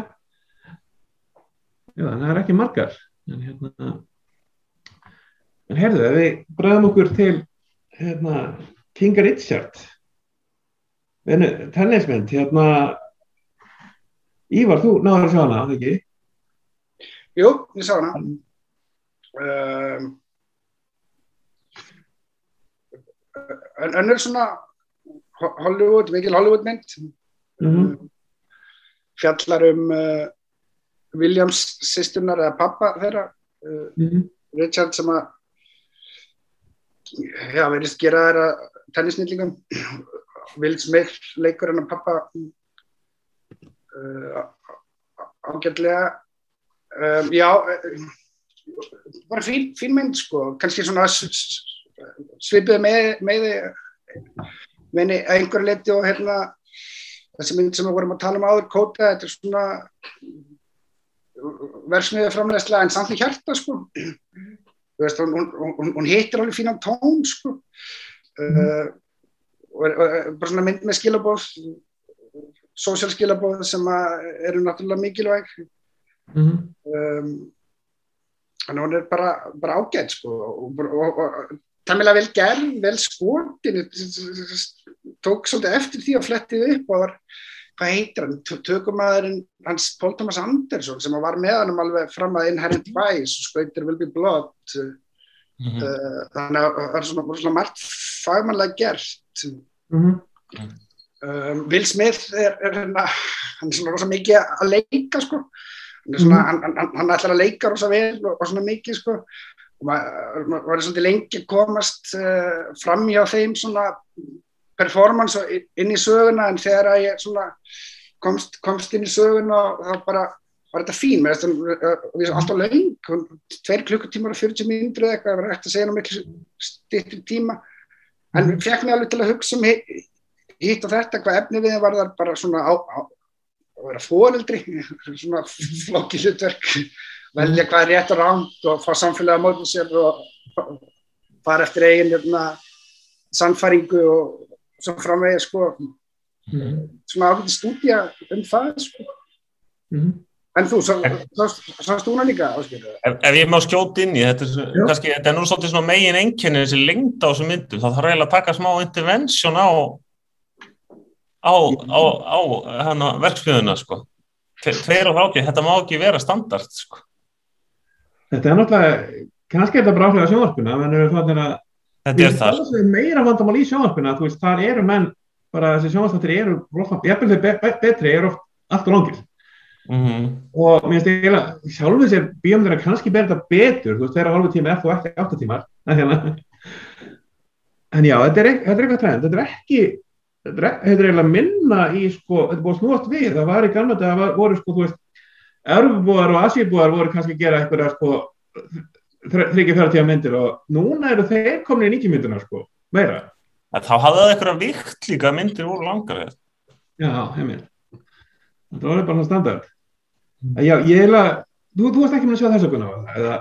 Nei, það voru svona fordóma mínir sko, sána trailer og þetta er Will Smith, mjög Will Smith-legt en hérna, en, nei, sko ekki að ég, hann er, ég fíla hann alveg en, en hann bara þú veist bara, uh, þetta er saga náttúrulega tekja kvenna, bestu íþróttu, íþrótta kvenna hérna og þá var bara snýst allt um en þú veist, það voru svona fordóma mínir ég, ég var alveg til að sjá hana ég veit í undirbúningi hann fyrir hann þátt en, en ég bara náði ekki en, en þetta- ég veit, mér fannst þetta svo sláandi eitthvað láta allt náðast um kallmanni og, Ég- og hvernig byrtist það ykkur? Er það, var, truflaði það, var það eitthvað sem var pyrrandi það?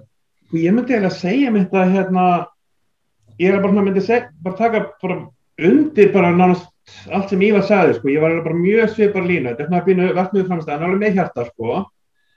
Uh, en einmitt þetta, sko, þú veist, tvær stærstu hvern íþróttisöndur heim, sko, þú veist, með fókusin á pappan, uh, það er kannski tröflaðum bara, þú veist, þegar ég mæti bíó, skilur við, að hérna, og svona, sjálf þessi fannst mér kannski mamman mest interessant persónan sko. Og, en hún náttúrulega er miklu meira til hliðar sko. En þá var svona kannski einhver reyti var kannski sko mín, mitt farðarlega gegnum myndina var svona að ná ákveðni sátt við það, þú veist ég enda pína að spyrja spenningu um það sko en samt ákveðni sátt við það þú veist þetta er samt að vissu þetta interessant sko, þú veist hérna að setja, þú veist pappan sem er, jú, þú, þú getur tekið, þú veist, bara, svona, bara stærra við þig, en þú getur líka tekið bara, ok, það er allt annar vinkil inn á ákveðna sögu eftir að þú hefði búist við fyrirfram, einhvern veginn. Að hérna, að, að taka, sko, þú veist, pappa stærstu íþrótastefnuna og þú veist, hvað þýðir það, þetta líka kannski, sko, það sem var stert í þessu, í þessu var kannski, sko, þetta er svo rosalega mikið, verður svo rosalega mikið kannski hans saga, sem sagt sagan um mann sem er að reyna að uppfylla drauman í gegnum gegn- gegnum börnum og, og hérna það verður svona, þú veist, þannig að það verður svona kannski vissulegði þrá ekki kendur og vafasamur bara gegnum það sko. En jú, þetta gengur upp, en ef þetta ekki gengur upp þá, ég meina, þar verður þær þá, þú veist, hérna? Þannig að þetta verður Þær, þær eru náttúrulega, eru líka framlega myndina Sirína og Vínis. Já, og það er náttúrulega alltaf náttúrulega líka alveg má- máli en, þetta var bara einmitt svona trailer og svo leis en og þetta er líka náttúrulega svolítið klassíst með sko íþróttu afreks fólk Þess, þessi fóreldra ímynd og þessi föður ímynd. Þannig að þetta er, alveg áverð sko. Mhm. Já, ég er svona margt sem að ég er alltaf æðið fótbolta á bróðum minni fótboltamæður og maður hefur áhuga í íþróttum og maður hefur séð svona þessi típur oft sko, svona pappana sem ætla að gera börni sína aðturumannum sko. Mhm. uh, við veist þetta oft svona áhuga að vera típur og pappi David Beckham var svona, þú veist, og kannski tala um pappa Messi og pappa Neymars og fleiri sko, en þetta er svona Mhm. ég hef aldrei séð fjalla um, um, um, um þessa típu í kvikmynda áður sko, þannig að mér, mér fannst það reynda svolítið skemmtilegt sko. Mhm. og, og hann, hann býr til, nánast til eitthvað svona köld sko, og, og maður svona skiptist á því að vera sammálunum og ósamála sko. Mhm. þannig, að- þannig að það er alveg, það er alveg svona eitthvað fútt í þessu þrátt fyrir hvað þetta er svona mikil verðsmiðið framleysla í raun sko. en ég hefði, hefði, hefði haft mjög mikið áhuga á því að sjá handritið fara aðeins dýbra í svona Kain og Abel hérna, öfund uh, á milli sýstrana sko. Finnst það, uh, að hann, hann, hann velur venu sko með eitthvað plan fyrir svona, uh, Sérinu? já, já, einmitt, og, og, og það er svona í, í, aðeins öfund sko, Mhm. en, en mér mér finnst það líka bara á, áhugavert stöf sem að myndin fyrir ekki dýbri og hún er þrý tímar þannig að það er sumt, hún hafði alveg pláss fyrir það sko. en tók ákvörðunum að gera það ekki kannski út af því að það eru framleiðendur skilur og kannski Mhm. svona, þú veist, það er einhver pólitík í þessu líka sko. Mhm. en já, hún komið bara á óvart þú veist, ég hef aldrei hort á þessa mynd held ég nema ef þú hefði beðið mig um að koma hérna þátt sko. En ég er samt alveg fegin að hafa hort á hana Mhm. Ég veit með íþrótta fóröldurna sko, hérna þetta er kannski eldra þeim í bandaríkjum en veist þú þetta heima akkur þegar ég var strákur sko, þú veist hérna fóröldurna voru ekki að koma að leiki eða æfingar og við vorum bara ekkert að beða um að gera það Já, já, þetta, er öðru sem okkar kynslu okkar. Fóröldur er stúkun og við bara, þú veist, auðvitað hanna, hérna, eiga svona fóröldur að skipta sér að Vi, við erum 89 mótil, okkar 89 og 90 mótil komst á HM sko, þannig að við þekkjum þetta vel. Sko. Já, ok. voru það fóröldurinn sem komið á hann? Það, það er bara... Ég er bara þessi kultúr. Það, það er bara að gera sko núna hérna íslenska stormynd um hérna pappa Gilva, Arons, og Hannesar og þeir andra. Já, já, það er sagðið þarna. Já, það er, það er, það er vissilega sagan, ég spilaði með Gilva sko, það er, það er, það er eitthvað, það er margt sammeilið sko. En Já. ja, sko, jó, og svo líka bara maður hefur áhuga á íþróttaheimi og mjög gaman sko að það brýtur niður, niður svolítið svona þennan sko ameríska draumi eða bara svona eiginlega alþjóðlega draumi um að hæfileikar í íþróttum getur komið fólki langt sko bara á hæfileikunum en, en sem er náttúrulega ekki rétt sko, þú veist, og það, þú þarf penning og þú þarf agent og þú þarf sko uh, fólk til að kaupa þau upp stegan sko og já, ég fyndi hvað hva ég hafði áhuga á mörg í þessari myndirinni sko. Mhm. Ma- ma- margt ágætt sko. Mm Herðu, þá ætlum við að kíkja á Don't Look Up sem að var eiginlega fyrsta myndi sem var tekið fyrir í þessum dætti. Það byrjaði hérna í uppæði árs og hérna, já, fjallarinn um uh, bara hreinlega menn komast að því að hérna að það er loftið sem er að fara að landa á jörðinni en hérna og svona vísindamenn sem komast að því er í aðræðsukja en síðan kemur ljósa fórsetil sem er svona pínu Trump típa sem er verið síflegur að hérna og fleiri eru skeptískir og þetta verður svona pínu einmitt hérna kannski taksaði fyrir kannski auðvitað taksaðan er fyrir bara það sem að afnetta loftlagssamfyrum en veist það er svo sem að sjá fleiri út úr þessu líka. Þannig að Gunnar, það var kannski eitthvað annars að sagt út úr þessu líka? Allegóriðan eitthvað, já. Nei, nei, ég tók henni bara þessu leveli og fyrir nútíman, þú veist, bara eitthvað. Já, her, her, þessi mynd er alltaf, hún er svona, það eru skiptarskoðanir, en það finnir hvað hún er, hún er sko höttu bara, hérna, og hún er rökku niður hérna á krítikunum í bandaríkunum, sem er svona svolítið, finnir hvað það er öfgakent. mm. En ég, hún er, að, mér fannst hún svona alveg byrja vera að fyndin hérna framan af en ég veit allt og laung og, og hérna og það er, mér finnst líka svolítið erfitt að sat, satirisera bara þetta Trump uh, og bara, nú, bara daginn í dag eins og boratmyndin í fyrra mm -hmm. eða hvena það var, eða 2020 mm -hmm. og þú veist, borat virkaði miklu síður en fyrir 15 ára þá, þá var hann að, þá var að vera að spá eða þú veist, vera að uppljóstra um eitthvað, eitthvað skilur Mm. og en svo finnst mér svona DiCaprio kannski líka svona miskast sko, hann er alltaf sætur skilur til þess að já, bara fyrir, fyrir þess aðbjörðars og Mm -hmm. en, en hún, ég líka, ég var svona, ég myndi svona dætt alveg í neikvaða, hérna bara þessi myndi pyrrandi eitthvað en hún er samt líka, hefur alveg marga skemmtilega sinur og kabla og mér finnst Kate Blanchett sérstaklega skemmtileg og hún hefði alveg mátt fá tilningu annarkvæmt fyrir þessa eða, eða Nightmare Alley mm -hmm. Leikurinn með pínu svipaðan karakter í báðan á vissi leiti Já, eitthvað svona femfaltali eitthvað Já, já, já. já. Það fann að gera það á gamans aldrei einhvern veginn sko, hérna, sérhafa sér því Mm -hmm. hérna, Já, mér fannst hún, Drago, mér, nefnilega, ég var ekki að tengja við, sko, fyrri myndir Adam McKay, þú veist, eða hvorki var Aquaman þegar hann var bara í komandíðinni, sko, og síðan þegar hann gerir Vice, bara ég er heimlega búin að gleyma öllum Vice, og hérna, bakgrunnsmyndin, hérna, The Big Short, mér fannst hún einhvern veginn bara, kannski hefði ég fílað hana ef að, sko, það hefði ég hef ekki verið búin að sjá miklu betri bakgrunnsmyndir á undan, eins og Martin Cole og einhverjum fleiri, sko.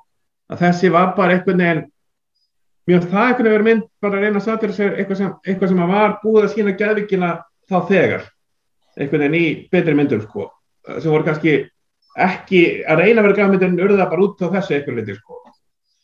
En, en já, kannski með DiCaprio mitt, veist, hann eiginlega verður DiCaprio sko í myndinni þegar hann verður fræður, fyrst er hann lúðin en svo eiginlega bara svona fer hann í fyrst er lúðin og er þannig sér mjög mikið að leika DiCaprio að leika lúða sko en síðan svona þegar á líður það er bara svona ok, núna er ég að leika DiCaprio hérna, með mína nýfundu fræðu og hérna, nýti hana í bótt sko. En já, veist, þetta var einhvern veginn að virka ég man að ég svona tók hana bara sem alveg var ég fyrst og næst fyrir lostasmálin en síðan svona þú veist bara eftir að þú veist getur maður alveg ímyndað sér að þú veist, hún geti verið bara fórhund að sína hann í Rúslandi sko, hérna, það sem er ekki stríð og svona sko, þannig að hérna, hún gæti alveg virkað á fleiri vegu sko. En já, bara svona þegar tíman, tíman er breytað sko þá lótt að smáli séu svo mikið að fara neitt. En Ívar, hvernig fannst þér? Um, ég, ég, ég veit ekki alveg sko, ég, ég horfði á þessu mynd ég man að við horfðum á hana hérna ég kærastu mín aðfangandaskvöldu, vorum bara tvö á aðfangandaskvöldu og settum hann á svolítið seint 11.30 eða eitthvað ég steinsóknaði sko, kannski sattur eftir jólastekina svo ætlaði ég að horfa á hana aftur nokkru dögum síðar sko, kærastu mín klára hana og ég sopnaði aftur. Og svo hérna þriðja sem árendi að horfa hana svona meðan dag svona kannski svona með sjæstin og ég sopnaði í þriðja sem svo hlustaði ég á þáttinn sem að uh, þú varst með um myndina sko mm -hmm. og hann kveikt í mér þannig að ég byrjaði frá byrjun og, horfaði alla myndina. Uh, mjög fyndið sko. En ég, ég veit eða ekki hvað mér finnst um hana. Mér hefur hef þótt svolítið gaman að fylgjast með viðtökunum. Hvað hva, viðtökunar eru svona polariserðar sko, ég er einhvern veginn bara algjörlega í miðinu sko, þetta er svolítið flókin náttúrulega í dag, ætla að búið til satir eða eitthvað svona absúlt útgáð af raunveruleikunum þegar raunveruleikin er orðin svona ótrúlega absúlt sko og, og alla pælingar með þú veist hvað er satt og hvað er ekki og svona þessar svona uh, þegar haugmyndafræðin er svona mikið á flæði og fólk er að leika sér svo mikið með vinna markvist með sannleikan og, og þú veist að slæman hátt mm -hmm. uh, er, er, finnst mér rosalega erfitt að fjallina því að þetta er beint fyrir framann að augun og okkur bara alltaf sko. Mm -hmm. þá finnst mér kannski myndin ekkert ná að sína mér neitt sem að ég hef ekki séð bara, sem ég sé ekki hverjum degi. Mm -hmm. en, en ja, mér finnst, finnst þetta samt ágætist tilrönd til þess. Ég, ég, ég, ég hata ekki myndin og ég elska hann ekki heldur. Mér finnst þetta bara svona allt í lægi sko. Uh, en, en, en, en þessi mynd er alveg áhugaverið text í dag sko, einmitt út frá þessu vitökum og hvernig hún er að díla við politík sko, og, og líka hvernig fólk te tekur við henni sko. Ég hef kannski, við sóldum svo ban alltaf einmitt, hvernig hún fer bara í þess að bara persónlu sögu aðalpersóna rosa alveg, þú veist, þetta verið Dr. Strangelove mm. hún fer ekki í einhverja sentimental sögu um eitthvað þú veist, ég hef vilja eitthvað frekar, eitthvað meira þannig sko. Já, já, maður hugsa um Dr. Strangelove eða Buñuel eða, eða þú veist, svona absúlt höfunda eða satir höfunda, kannski ekki það sama en mér hefðist kannski Adam McKay kannski ekki hafa kannski ekki staðsitja sig neitt, neitt rækilega sko og, og, og, og segir þess að sögu gegnum svona, svona venjulega Hollywood sögu svona uh, um einstakling sko, hún er ekkert svona er ekkert rosalega hugurökk mynd eða mér finnst hún ekkert rosalega, rosalega smart eða, eða eitthvað svona cool sko. En, en, en, en samt finnst mér samt á hún einhver áhrif á mig líka já, ég mm. veit það ekki sko mm. en, já, en hvort hún er að vera til enn til óska þá myndi segja nei þú veist, mér finnst hún ekki ekki þannig mynd sko mér finnst hún ekki, ekki, frábær sko mm. ég fór hann líka bara hvert að maður kæra að fara sko, þú veist, er hann hérna bara hans hérna hans ferill sko uh, hvort hann sé að fara að gera hvert í pólitísk þróskari myndi næst eða þú veist hvað það er hann hérna, er hann þróskast í rétt átt og þannig kem, kemur hann svo allt annari átt heldur en maður myndi svona búast við að ykkur var að gera hérna þessa mynd sko. Ég var alveg til í tala að deka næst stúr líka sko. Já. Mér finnst það miklu betri í því persónlega sko. Já. Ég bara algjörlega, algjörðu auðlagríni sko. Mm. Mér finnst það hæfileika ríkur það sko. Mm. og, og vantar, vantar svolítið vöndin á góðu auðlagríni bara. Það var ekki En við tökum kannski næst ef eitthvað annar leikstöru sem að er kannski bara núna að fara í alltaf ráttir en það hefur verið mestu Belfast, Kenneth Brónar uh, Guðni, þú áttir, áttir hann eftir það ekki eða? Já, hann að unnu fórtumannir eftir sig, það er eitthvað þess að mynd hún bara já, já. þetta er svo mikið eitthvað bæði nömbur sem að eitthvað saga, kvikmyndagerða mann skellum í svartkvít og, og höfum hérna atriðið úr gamlum bíómyndum og eitthvað, eitthvað svona. Mm. sentimental uh, Oscar Speit að ég er ekki enn búin að sjá. Mm. en það er hægt að sjá hann í Bíóparadís. Já, en ég var hvernig var þér? Já, mér finnst þetta skýtléleg mynd bara uh, þú veist, mm. til að vera mjög hérna óakademinskur og bara svona leiðilegur. Ég mér finnst eiginlega ekkert velgert í þessu mynd. Mér finnst hann ekki fanga neitt sem hún reynir að fanga. Með þess að alpersonan ítla skrifið, með þess að díalógan er ítla skrifað, með næf, með leiðileg trikknótu og óskiljanleg með, með litin og svartfýta og svona, með þess að neila bara, ég hef ekki vita hvert að ná að setja kamerun að leiksturinn sko, með þess að bara ótrúlega kraftlaus mynd sko, mm -hmm. fannst mér persónulega sko. Og ég var svona mjög aðkvæðar, ég, ég man að ég var byrjaði eða frekar nekkvæðar og ég man bara uppáhaldskennið dránamöndi mín var, þegar hann var ennþá góður sko í gælum þetta fyrsta myndi sem er eitthvað var í, í, í mörg mörg ár sko. En það gerði Peter's Friends og það var svona einhvern besta nótkunn á sko hérna uppáhaldslægi hérna Everybody Wants to Rule the World. Og er svona montage sko. Og síðan gerir, notar þetta saman trikk núna en ef maður bara lægi var svo leiðilt að það var alveg að drefa mig sko hérna í blábyrjunni þannig að ég svona byrjaði frekar neikvæður og var kannski pýrið neikvæður sko framanna hún náði mér alveg aðeins svona á kannski, þú veist svona kannski göm, gömlu, gömlu hjónin alveg, þú veist, pínuð dæmigerð en bara skemmtileg sko, hérna hérna af en amman sko og uh, í sjálfu sér alveg svona kannski síndu forðan sín á átökin meðan það kannski svona nýtt í henni. Það sem kannski dróna vissuliti niður var kannski þetta er kannski kunnulegt sem að var pínu búin að sakra að það var alveg svona runa í flestum betri svona írsku myndum 90-2005 sem var, þú veist, Eilo Commitments og hérna framhaldinu af henni og svona sko sem voru í þessum gýr svona, þú veist, alveg alvarleg subject en þú veist, þessi írski húmor sko, einhvern veginn í gangi orð það sko. Og hérna þessi hérna svona pínu hörðu þessa myndir, þannig að hérna fyrir utan hérna uh, Sing Street var fyrir nokkrum árum en það var maður eina sem ég man svona nýlega sko. Mm þannig að einhvern veginn var bara, þú veist, maður orðin þreytir að maður á sínu tíma sem kannski ástæðan fyrir að hörgu en svona, þegar ég horfði á það það var bara, já, ég er pínu búin að sakna veist, þessa feelings í bíó einhvern veginn sko.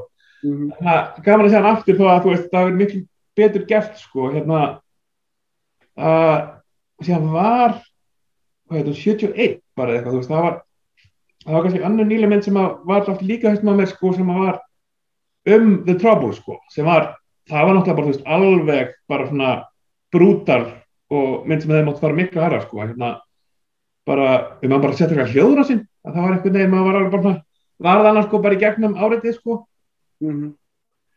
en já, þannig að, þú veist, jú, ég fíla hana þetta var alveg en hún einhvern veginn bara pín og ógefana var kannski að, þú veist ef ég ekki sé heilar þetta, eitthvað leiti var hún bara og rómarka myndir Bergmál höstum á manni sem voru betri í samanbörnum sko.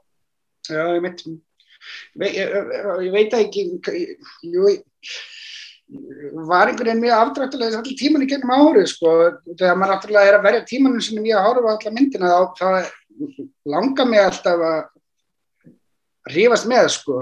Að, en, en, en það þannig að ég svona reyna alltaf að stilla mig af eins og mér, mér finnst hérna opnunin á þessari myndi algjört afhróð af bara svona smekki kvikmyndigerð sko mm. þetta, þetta stock footage setnið af borginni og svo þetta transition yfir í svarkvíta sko með þetta alveg bara svona ótrúlega hallærislegt sko mm.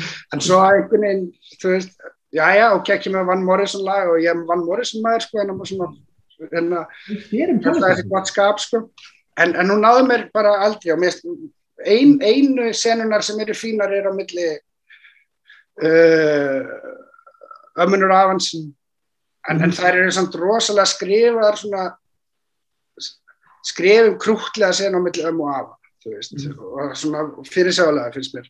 Og senunar á milli fóreldrans finnst mér afbjörðslagar líka. Það eru bara exposition og er, maður fara enga nú eins að þeirra samband sko og, svo er eiginlega ekki dilemma já sem strák sko. Það, mm. hann, hann er eitthvað svona að velja þú veist, gott eða ílt sko. En, en fer, fer ekki neitt fyrir mig sko. Mm. það, ég, ég, ég veit ekki ég, ég fór svona leið mér að vera svona fúli leiðileg með þess Mér, mér fannst að sko strákurinn vera kannski vandina, hann var of blanko sko, þú veist litrigar í personur í kringum hann. Mm. en hérna já, hann var einhvern aðeins á blanko sko, hérna fólkrann þarna, já, það var kannski það var áhugavert sko, þú veist, það var hérna pínu trend sko, þú veist í, já, ekki skilnaði myndum og líka, þú veist undanverðin ára, þú veist, það er hérna spe, e, hérna spennan er eiginlega, þú veist, og það sem maður kannski dregur því sundur er kannski hvort þið er að flytja, óstæðlega það er svona, það er bara það er bara, þú veist, Marriage var í snýðastildan sem það, það var bara hérna og hérna bókina Nauðar Jóns hérna tilfinningaböldkin, það var í báðatöfundum var rosalega mikil kjarni í skilnaðsöðunni eigum að flytja það ekki. Mm -hmm. uh, meira en nokkur önnur, önnur mál, málumni og það er svona pínu þarna sem að vísu, já, svo er spóili að þau verðast nú að með svona lifa myndin af að með svona hjónabandi sko. Nei, mitt En já, mér að styrja saman bara að vera þetta og ekkert annað. Það var bara, já, ég verið með hérna vandamál, á handlitstíði. Uh, þau vilja vera í bænum, en uh, þú veist, í Belfast í borginni það er erfitt, skilur, og kemur með þetta dilemma, en svo bara kemur ekkert annað. Það er, ekki, er engin, engin undirteksti eða, mm. eða, eða neitt svona eitthvað, engin núansar í þeirra sambandi sem eru áhugaverðir, sko, fyrir mér. Mm. En herru, þá förum við í endurgerðunar, hérna, Sögur Vesturbænum, Vestlæði Stóri, Spilberg. Hérna, ef einhver þekkir ekki plottið þá er þetta bara söngleikur um hérna um tvö gengi hérna, gerist 1960 eitthvað vantanlega, eða eða 50 eitthvað minn 50 já. já 50 og já bara slagsmál á söngleikjur og söngur, hvað hvað segir þú Gunnar? Hvernig, Ég, þetta er bara e- eiginlega uppáhaldsmyndi mín að þessum öllum. Mm -hmm. þannig að ég fór hana í annarskipti í bíó þegar ég var að drepa tíma.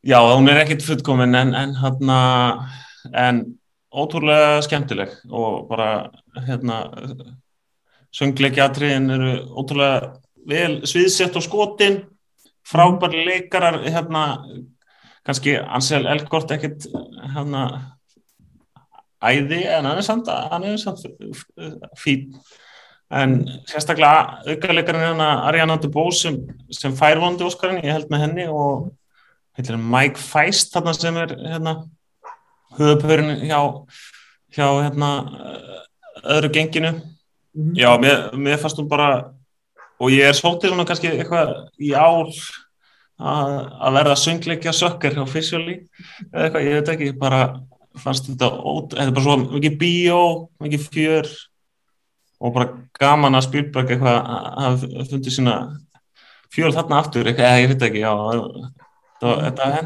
þetta er bara svona virkilega skemmtilegt. Mm. Já, ég var einmitt ég var, ég held að öllum myndunum fór ég að vera neikvæðast inn í þessa. Aðra þegar ég að sjá trailerinu ég að, ég búin að gera eitthvað nýtt þetta er ekki bara sama myndi líka við sko. Og kannski er hann eitthvað liti ég, það, ég áttur að endurhalva á gömlu sko sem að finnst ágjörlega frábært sko. En það er eitthvað sem er vandamál en aðalpersonu er kannski veikustu leikarinu sko. En, ja, það er Rómjó Júlia líka, hvað sem er. Já, það meitt en sko, síðan er sko ég var með sérstaklega hrifin af sem leik hérna, hvað er þetta fæst sem að leik hérna strákurinn sem var svona Já. pínur rottulegur en samt myndalegur eitthvað skriftin hát sko. Hann er geggjaður. Flottu leikari sko.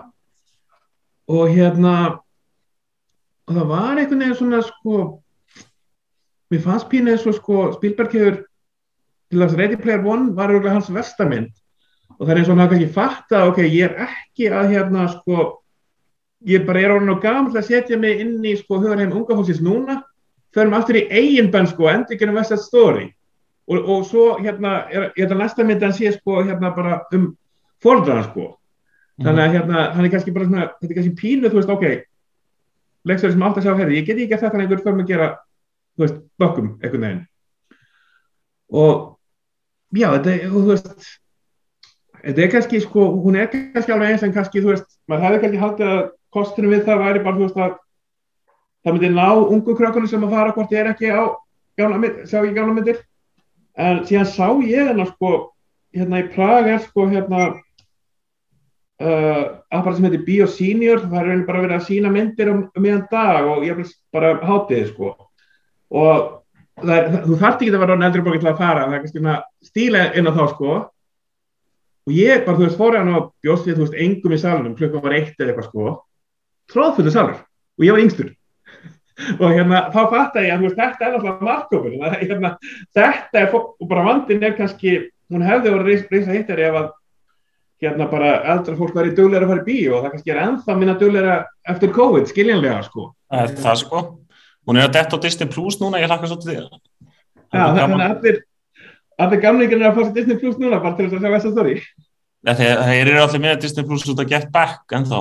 Já, ok Þú vil ekki segja eitthvað áskastinni. En já, hvernig fannst þér? Ég, ég er ekki búin að sjá hana, í raun og veru. Já, er hana, ok En ég hla- hlakka til að sjá hana, mér er svo gaman að Gunnar sé svona hrifin að hérna, West Side Story. mm. Spielberg eldgömlum að gera einhverja svona væna söngum, ég er bara spenntur. Sko. Já, hún er alveg poppin líka bara, þú veist, eh, svo gott casting, þú veist, hann er að kasta, þú veist, bara brottveið liðskilur, bara eh, fólk sem er að fara að verða stjórnur og það er, og, og einmitt, eh, bara sviðs, þú veist, að, það skiptir ótrúlega miklu máli hvernig, hver, hvar þú setur myndavel, þú veist, hann er mitt í svengleika, þannig að da- dansarnir hann eru flottur og einmitt það er mjög flott koreografía, þú veist, ný koreografía, Mhm. Þarna, já, þetta er bara ógslag lifandi og, og skemmtilegt, er bara svona, veist, þetta er bara alveg söngleikja bíó og, og þetta er sagan alltaf Korni og svona, þú veist, Rómi og Júliu og, og það. En það er náttúrulega aðeins betur upp á gamlu útgáfuna, það er ekki hérna hvít fólk með, með hérna, einhverju skósvertu að leika latínó eða þú veist, það, það er, það er mikið náttúrulega fráfur. Mhm. Og ég myndi segja að sko, munum á, á þessum gerðum að almennt er náttúrulega leikurinn alltaf, kannski sérstaklega í, í dag þá er náttúrulega miklu svona skemmtilegri per- perform, performancear í þessari Mhm. Já, það er kannski stóri munun er náttúrulega Rita Moreno sem hann fekk Óskarinn fyrir gamlumyndina er núna svona, það er svona nýji karakterinn sem að Já, leika það skri, það skrifaði faktisk karakter fyrir hana eða þannig. Já, ég held að sé með þess að pródusent eða eitthvað á myndinni sko. Mm og, og það er svona, já, svona hérna Wise Late Woman sko hérna, en ef þetta með ég er alveg sammálinn með myndatökuna. Það var bara, það sem seldi með myndina virkilega var kveimundtökan að hún var, þú veist, ég meina, hún er auðvitað alltaf í fínu lægi á Spielberg en einhvern veginn þarna var hann bara inspired, sko, þú veist, hann og hérna Kaminski sem að skýtur hérna, það var bara svona var bara svo mikið að geggjum skotum. Og svona höfðsamlega það sem að einhvern veginn, þú veist eitthvað svona, þú veist, fer upp úr hérna uh, hvað er þetta, hérna upp úr æsinu, sko, hérna og alls konar svona, sko. Uh, og þar var ka- kannski lág líka bara munurinn á þessari gömlu að hérna gamla var frábæla skotin, bara allt annan hátt. Uh, því litum til var þetta bara skemmtilegt coverlag að bara svona með nýjum trendum í kvíkmyndtöku þó að sögur sig væri það sama sko. Já það líka þau breyta mörgu á skemmtlan hátt. Þau eru svona að að færa númerinn og setja á aðra location einmitt sko, hérna Living in America, náttúrulega sem er frægasta lægið færa þá út á götuna sem er ógeðslega flott sko. Það er, eh, þannig að það, það er margar svona skemmtilega listir en ákvæðinu finnst mér. Og ég held að, að Spielberg hafi líka bara verið góður í að velja. Við gleymum alltaf, við erum alltaf að tala um leikstjórna sko, að, að það er, bara ótrúlega flott fólk í öllum minna listrænum lík, líkistöðum og hérna og talandum um hérna listrænum líkistöðu við ætlum að kíkja á Dune Dune næst sem að hérna það er náttúrulega var uh, skipt í líkilstöðu og hérna hérna það sem að Dennis Villeneuve var með Jóhann Jóhanns alltaf sem ja, í hvað tvættra myndir sem að með sitt að tónskáld og skipti yfir í hans simmer svona með, með pínu látum sko við Blade Runner fyrst og, og núna þessa. Og sko ég verði að segja mér Dune betri en Blade Runner en málið var ég var bara að elska að vera náðu sem leiksverði þegar hann gerði Sikari og að ræfa síðan bara er hann búin að missa mig sko. Og hlutaði ég kannski bara Simmer er ekki að gera góða tónlistfyrirsamindir eitthvað sem gæti liftið máli svakalega mikið. Og kannski já, með, með Dún þetta er margt rosalega flott en það er samt eitthvað svona flatt við hennan heim sko, þetta er bara svona eðimarku það vantar dítela og geði ekki sko, einhvern veginn í hana. Og ég er samt sko, þú veist, ég kannski svona pínu bjart, leið mér að vera bjart síðan á að sko tvöfur er betri út af því að mér finnst hérna Zendaya miklu betri leikona held og hún kemur náttúrulega bara undir blálógin miklu betri leikona held en strákurinn sem er aðar sko. Hérna, hann er aldrei alveg, hann er ekki mynd vonduleikar en mér finnst hann ekki leika alltaf bergmynd einhvern veginn sko. Timothy Chalamet Já, Timothy Chalamet, ég var alveg að glemja hann en hvað fannst þér hérna Ívar? Sko, Dune var fyrsta myndin sem ég fór í bíó í ótrúlega langa tíma út af COVID svona aðstæðum mm -hmm. fór á hana IMAX hérna í Lissabon mm -hmm. og mér fannst bara ótrúlega gaman mm -hmm. ég, hérna, mér fannst ótrúlega gaman á þessari mynd og mér fannst hún ótrúlega bara flott bara mér, ég var náttúrulega vendun svolítið á svona episkum æfintýrum með einhverjum svona, svona saga sögum sko. Svolítið saknaðir að maður er ekki marvel maður þá er ég ekki til bóðið sko. -hmm. um, þannig að ég, ég einhvern veginn bjóst ekkit endilega við miklu ég var með svona væntingarna lágar en, en, en, en hún náði mér bara gjössamlega þessa mynd sko mm -hmm. ég veit ekki hvort það hefði spilað inn í bara svona líka hvað ég saknaði þess mikið að fyrir bíó sko Mm -hmm. en, en með margt drúslega vel gert ég, og ég skil líka uh, mikið af gaggrinni sem hann hefur fengið sko. mm -hmm. ég, er, ég, er, ég er ekki aðdándi hans Simmers en, mm -hmm. en mér fannst hann komast ágjörlega frá þessari mynd uh, komur eiginlega óvart hvað skorið var fínt sko en, en viljum nú svolítið svona við erum eigið svo að ofnota þessi skor svolítið mikið sko kannski Uh, svona meiri smekkur í því að mitt var með Jón Jónssoni sko mm -hmm. betra klálega mm -hmm. en, en, en ég veit það ekki ég bara var mjög móttækilegur fyrir þessum heimi og þessu æmtýri og, og finnst mm -hmm. kveikmyndatakkan stórkastleg og ég er spenntur fyrir að sjá nummið tvö sko ég, ég er það Ég, ég skrifaði náttúrulega alveg um dóm í mokkan ég, ég var alveg aðeins svona eitthvað, eða þú veist það var alveg smá að trolla sko.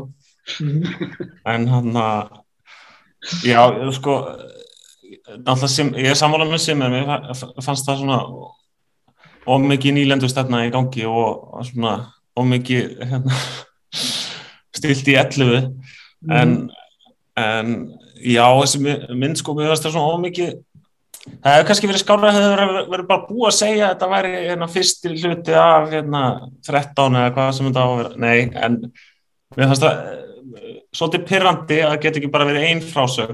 Eða svona, allavega, ég fekk, fannst ekki vera nógu mikið bara í gangi, mm. hreinlega. Bara ómikið verið að setja upp eitthvað tapborð og svona ómikið, svona flat, já, bara frásögning og personar hann uh, tókum ekki inn. Mm.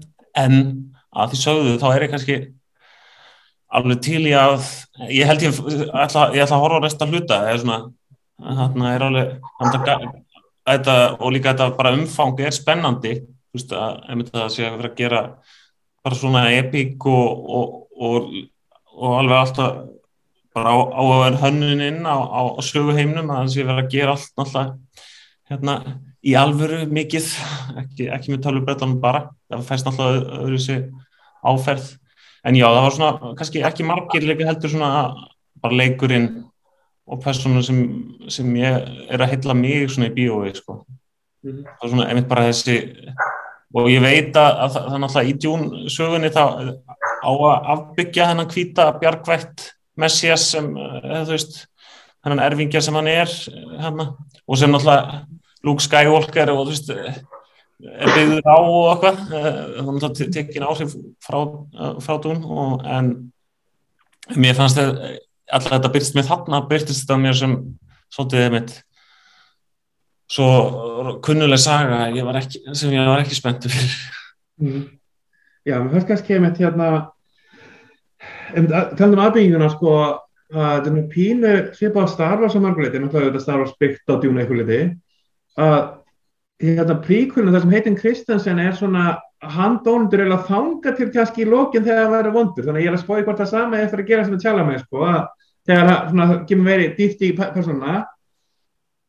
Og það var kannski heilt yfir þess að mynda sko þá þeir leikari sem að mann eftir voru kannski þú veist Stellan Skarsgård og hérna og svona aðri sem voru að leika svona annarkot vondakarakter eða svona kannski hann solotýpur, ég menna Jason Momoa kom skemmtilega óvart, hann var alveg þrjus og góður í henni. En síðan var til dæmis sko hérna til að ég elska þess að leika sem leika fóröldrans en það voru bara svo flata týpur og var svo mikið potensialar sko. Þegar maður til dæmis að mér verið sagt, ég hef ekki lesið bókina en mér hefur sagt að pappin sjálfur stórkvölda kardir, í bókina það er engan veginn að koma í gegn í fyrstu myndinni sko mm. en hérna en já, þetta er svona einhvern veginn það uh, skýti, þetta er einu mynd sem ég sá tvís, þetta er einu af fámyndi sem ég sá tvísvarana og þá var ég því að fyrsta skýtti bara svona að ég fílaði að fyrsta skýtti betur og þá er það bara fór ég að leta einhvern veginn bara var ég bara að fulla að hugsa um eitthvað annað og hértti áfram út myndan að sjá, að sjá hann aftur en eiginlega var hún betri kannski þegar maður var bara svona, svona einhvern veginn svona flöйt fram hjá manni og bara fókusin var ekki á bíónu þannig að þegar fókusin var á bíónu, jú maður náði þetta betur. En þá samt einhvern veginn sko það var eitthvað að vanta sko. En og kannski, þú veist, kannski erum við grimmið við að nota því að að pínu skinnjar hvað hann gæti verið góð og verður þetta erum við ekki minnir þetta hún ásegir alveg mjög sterka svona sterk, sterka fylgjendur ég held ekki minnir þetta sko hérna það er svona bæði og bæði og held ég sko held að margir sé mjög hrifnir og, og aðri miklu minna sko, sem er bara alltaf gott sko. en hérna ég er, ég er hendar áverð sem að Gunnar sagði að ef hann hefði vitað fyrr að þetta væri bara fyrri hluti eða struktúrin að sagan væri þannig að fengir ekki endi mm -hmm. eða þú veist, eða úrlust sko þá hefur verið betra að horfa hann ég, ég vissi það sko, ég á búin að lesa smá fyrir sko, hann að ég einhvern veginn koma þannig aðinni sko þannig að það trublaði mig faktist ekki neitt sko. Það, það, það kannski trublaði mig ég, ég þóttist nú vita að fyrir ég ekki 100% en það var ekki gefið út formlega eftir það, það var orðaðagötunni það sem trublaði mig var kannski sko að Zendaya í stiklun af því kynningarefni er hún eins og hún sé bara aðarpersona mm. síðan kemur hún í rauninni bara síðan á korturinn Já, það er bara hún kemur inn í þetta. Hvernig er hún að koma mm. og svo myndi búin. Hérna... Já, ég, ég, ég skil þessa frústusjón vel sko. Áhugavert að pæli hvernig það hefði farið í mig sko. Bara svona upp á hvað er hægt og hvað er ekki hægt að gera sko hvernig skrifa sögur sko ef, ef, ég, ef ég hefði ekki vitað þetta fyrir sko ég skil, skil, skil vel að þetta geti verið sko pyrrandi fyrir áhugavert En herðu, þá förum við aðra, já, að, aðra endur gerða bók hérna Alley, Master of Asund uh, eftir Guillermo del Toro. Held ég að ég er ekki frá þessi fyrsta myndina sem er ekki bókstaflega annarkort eitthvað yfirnáttúrulegt eða eitthvað hérna eða eitthvað svona vísindaskálsögulegt og að það sé ákveðin erum sem kannski virðast vera það fyrstu sín en já, þetta gerist í rauninu bara í já, fyrirlutin gerist í sirkus og svo svona kannski hérna fer hann hérna fer þessi aðkvæmna sem Bradley Cooper leikur, hann fer í hérna uh, með, með kæristunni í að svona sitt prívat sjó sko hérna í Stórborginni Buffalo minnum við sko. Og já þessi er laung, hún er 150 minnur og hérna og já svona pínu öðruvísi það er ákveðið mjög stærk höfundureikinu frá Del Toro en samt svona þú veist það engin bókstafleg sko skrimsli svona í, í þessum klassiska make-up gera en svona þó að kannski það sé skrimsla á sén haft en Gunnar, hvernig fannst þér? Herru, ég skemmtilega bara vel yfir þessa mynd finnst það svona, svona skemmtilegt eitthvað svona mér finnst þú neila að sko vera svona uh, rökkur noir svona pastís eitthvað einn sko, hún er svo mikið svona já og en bara líka þessi íburða miklu sett þannig að arkitektúrun þegar hann er komin í borgina og já, bara skemmtilegt sögursið, þú veist, það með sirkusinn allt, eh, bara þetta er svona mikið svona bíóleiki, eitthvað bíólegt og, og, og ég er náttúrulega elska rökkvumyndir yfir höfuð, þessar mhm. frásagnir er mjög skemmtilegar veist, og hún er líka, við finnst hún á löng mm -hmm. hafið þetta stittra all, bara all, allir sem gerur myndir á hóskratnum eða þú veist, hún Það, mér finnst það svona kannski líka að fyndi með sko rökkumind, það, það, það er eiginlega, eiginlega yngar rökkumindi sem er lengri, er klukkutímar. Mm -hmm. en, en, en, já, en eh, mjög skemmtileg fórnæsar líka í henni. Og Bradley Cooper verður mjög, hann er, mjög smá eins og það sé miskast en hann er ógeðslega skemmt, hann er skemmtilegur í þessari mynd. Og Kate Blanchett náttúrulega frábær og, og bara eh, líka velvalið öll aukarutverk, margar skemmtilegar skemmtilega leikar í þessu. Mm -hmm. En Ívar, hvernig er það þér? Já, ég, ég mér hefur hann líka. Þetta er sko, mér, mér hefur alltaf þótt væntum Guillermo del Toro á þess að vera eitthvað svona sérstaklega mikill aðdóðan hann er bara svo góð típa, svo gaman að heyra hann tala hann er svo einlegur og tekir væntum kvikmyndir og kemur svona, svona fallega orku í svona kvikmyndagerð í Hollywood finnst mér sko en það var engin myndan sko, ekki einu svona panslaburinn þegar náð mér fullkomlega sko. en mm. þessi gerði það og kannski, kannski hefur hann fengið að gera þessa mynd sem er svolítið erfiðari mynd, svolítið dýr út af því að Shape of Water gekk svona vel sko, sem er bara gaman. Mm. og, og, og, og hann, hann er svo mikið kveikmyndan örd og skrifa sem alltaf í svona rökkurmynda hefð og hef svona melodrama líka og vinnur svona markvist og fallega með greinina finnst mér sko.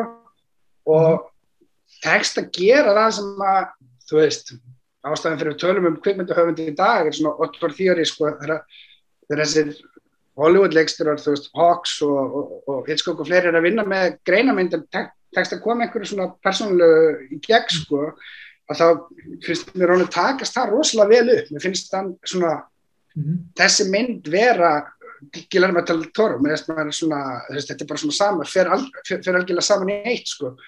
og þrátt fyrir að hún verði ég hlusta á Gagnar Gunnar sem hana, hún, hún fannst að verða svona væmin í lokin sko. mér fannst það ganga svo vel upp í þessari mynd. Bara einhvern veginn, að, mér, mér finnst hann meiga það. Ég, ég, þú veist, þetta er svona mjög hauglagt mat sko, en mér, mér finnst hann ráða svo vel við vænina og já, bara mjög snortinn að þessari mynd. Á tilfinningulegan hátt tráttur þessi thriller og fjallar um þú veist, tráma og alkoholisma og, og þannig. Og hann er náttúrulega með sínu vandamál del tóra og, og svona er díla persónulega við eitthvað viðfangsefni í gegnum greinarmynd á mjög vel hefnaðan hátt finnst mér. Og mér finnst það úr svo gamla sjálf Já, ég var bara mjög þegar og ég fór inn með kannski litla vantingar eða tveim ástæðum ég var eftir þá var þetta óskast og ekki búin að heyra um hana. Svona pínu bara hvarf einhvern veginn. Það var ekkert svona volítið verið að tala um hann einhvern veginn. Ég held að gekk ítla í box office held ég.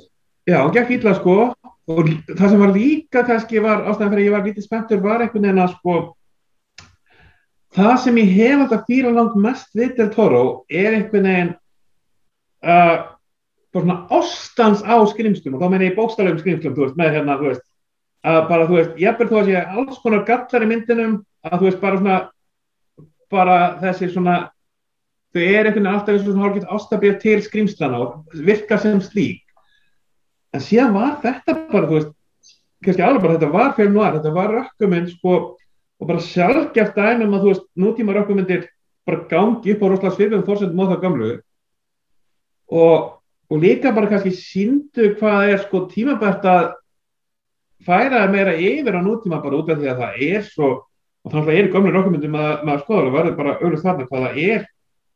Mikið svona social commentary þannig sko, bara, þú veist, þó að þetta sé þó þetta sé náttúrulega að gerast fyrir einhverjum 1940 eitthvað sko, þá hérna er samt bara hérna veist, þetta er náttúrulega lið sem er að vinna í þessum sirkus en náttúrulega allt fátælingar og alkoholistar sem einhvern veginn endaðana og allt hæði líka fólk í rauninni sem einhvern veginn bara hefur ekki fengið breyta ekki ekki lífinu sko einsum ástöðum og hérna og hérna er maður sko þú veist einhvern veginn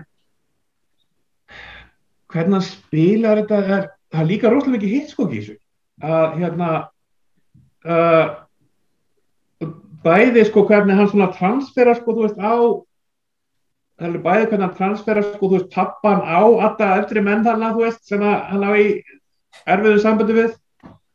Og svo er náttúrulega hérna bara vertík og er einhvern veginn rosalega sterkir bæði sko hvernig hann hérna í rauninni einu atriði þú veist gerir upp kæristuna og segja að hérna klæða sig upp til þess að líkast látinu konu en ekki síður hvernig sko Toni Collette í fyrirlutunum og Kate Blanchett í sendilutunum það kalla svo á. Þetta er svona, þetta er svona pínu sko Toni Collette leikur eiginlega working class útgafana af hérna upper class útgafani af Kate Blanchett sko það eru svona rosalega svipu týpa en annur er bara hérna það og henni lík og hérna, og það sést alveg sko. Og ég má bara, ég hef búin að sjá lesa, þú veist, bara á leiðin í bíó rétt flætti ég yfir leikarlistan og sé að bara kemur Toni Collette fyrst sko þannig að pínur dálfli fjarlað og það er bara, býtu, keip, já þannig ekki keip náttúrulega, bara nei, hefðu og það einhvern veginn verður einhver effektana sko, það er eitthvað samspil þeirra milli sem ég er ekki alveg með náttum á en er samt eitthvað svona dölafullt og skemmtilegt sko. Mm. og hérna og líka með Bradley Cooper er sko hann er einhverjum miskast en á góðanátt að það er einhvern veginn svona hann einhvern veginn svona þroskast inn í hlutvöki og rauninni mjög bóttalega í sögunni sko. Já, ég er mjög samanlega sem þú ert að segja. Bara góði punktar sko og já, mm. þess, það, er, er ekki, er auðvelt að vinna með svona sálgreiningu, sko, bæði svona kvikmyndilega sálgreiningu í kvikmynd, sko, kóðanir á textin, þú veist, þeir eru flóknir og uh, veist, það eru svona vel gert hjá hennum og svo, e, e, svo er þetta ekki bara á svona, svona fræ, fræðaskíunum, sko, heldur verður svona líka hvernig meðhandlar, sko, trámaði á aðalpersoninu og hvernig, hvernig, sko, það er bara að díla við tráma almennt í myndinu og hvernig hann nýtir sér tráma annar til að koma upp sko, hvernig verður ný sko, svona hans veikleikar verða hans sko ílsku og, og þetta er svona kunnileg stef en mér finnst þetta bara gert það svo mikið til nákvæmni sko og, og, og svo svona gáðilega nátt sko. Ég var eiginlega alveg bara ótrúlega hrifin að, að hvernig, hvernig, hvernig þessi mynd er sko hugsuð. Sér er eitt sko svona uh svona mítúl aðrið, ég er ekki að tala of mikið um það, sko ég er ekki spóila en þetta er lítið aðriði en það sko viðbröðin einhvern veginn við í úrvistan orði segja svo mikið um tvær líkir personar einhvern veginn. Mm. að hérna sem að þú veist kannski hluti sem að var ekki alveg vissum. En þarna eiginlega ábyrg þarna eiginlega, þarna verður einhvern veginn skil sko, þú veist, já þessi er og þessi er einhvern veginn sko að svona út, frá einhvern veginn bregðast við þessum fréttum. Einmitt, einmitt, þetta er, þetta er, svo, þetta er svo vel þrætt sko, þetta er rosalega, vel skrifað. Uh, vel uppbyggt og svona það er verið að flýsa lauknum rosalega hægt og rólega og, og maður fær upplýsingar á réttum tíma og, og, og mm. svona þetta er, þetta er óbúslega vel skrifið mynd sko. Herðu, þá er hérna hvað næst hérna myndin uh, Liquid Pizza, Lakrís Pizza og bara náttúrulega spoiler alert, verið, það er ég held alveg örgulega að sé ekki Lakrís Pizza í myndinni sem voru við svombriði en þetta segir að fjallar um hérna ungan 15 ára strák í hérna í Los Angeles eða í Hollywood svona teng, tengdur sko og hérna og svona, já hann er að vinskap svona með kannski hint af rómans, hans og Steffur sem 25 ára gömur og, og líka bara svona fólk sem hitta og svona það eru svona skemmtilega hlýðarsögur með vassrum og hérna Hollywood sjóknir og alls konar sko. Og hérna og já, hérna Gunnar, hvernig fannst þér? Já, lakrispítsa það er náttúrulega plötur. Já, já, auðvitað Þannig, en ég mann svo sem ekki eftir hvort að það eru sett einhver plata á. Þannig uh, já, þessi mynd maður er náttúrulega svona rosa háan standard á, á kallin uh, Pól Tómas Andersson um, ég fannst hún alveg bara hans lakasta líka til, það kannski bara Hard Eight fyrsta myndinas sem er þarna, sem er svo langt síðan ég séð að ég er ekki alveg dómbær á en sko ég, þessar personur að kannski já, þetta, ég var ekki alveg seldur á þær, einhvern veginn bara þeirra þeirra sögur einhvern veginn eitthvað rosalega mikið en, og hún er náttúrulega þetta er svona eins og lífið frá sem er svolítið þannig, þetta er bara svona tímabill og þannig að þetta eru bara svona nokkar sögur sem gerast fyrir þessar tvær alpersonur og, og hliða, já, hliðasögur eitthvað personur sem það kynnast. En og hann, hann er kannski svona áfram að vinna með náttúrulega, hann er alltaf að vinna með þessa svona sögu, sögu tekja bara eitthvað svona valdatafl ást millir tekja einstaklinga. Frá því bara það, það var hægt að gera svona samanbörðafræði bara þú veist á það eru blödd og master og og Phantom, Thread og þessari. Og, og þá er náttúrulega í þessari er sko Cooper Hoffman litli gaurinn 15 ára Pólun þá er hann sem er valda mikill í sambandinu og þessi 25 ára stelpa er, er þá mentorinn. En já, mér finnst það líka bara skrít, smá skrítið bara, þú veist, þetta samband og, og þessi hvern persónu kannski líka bara.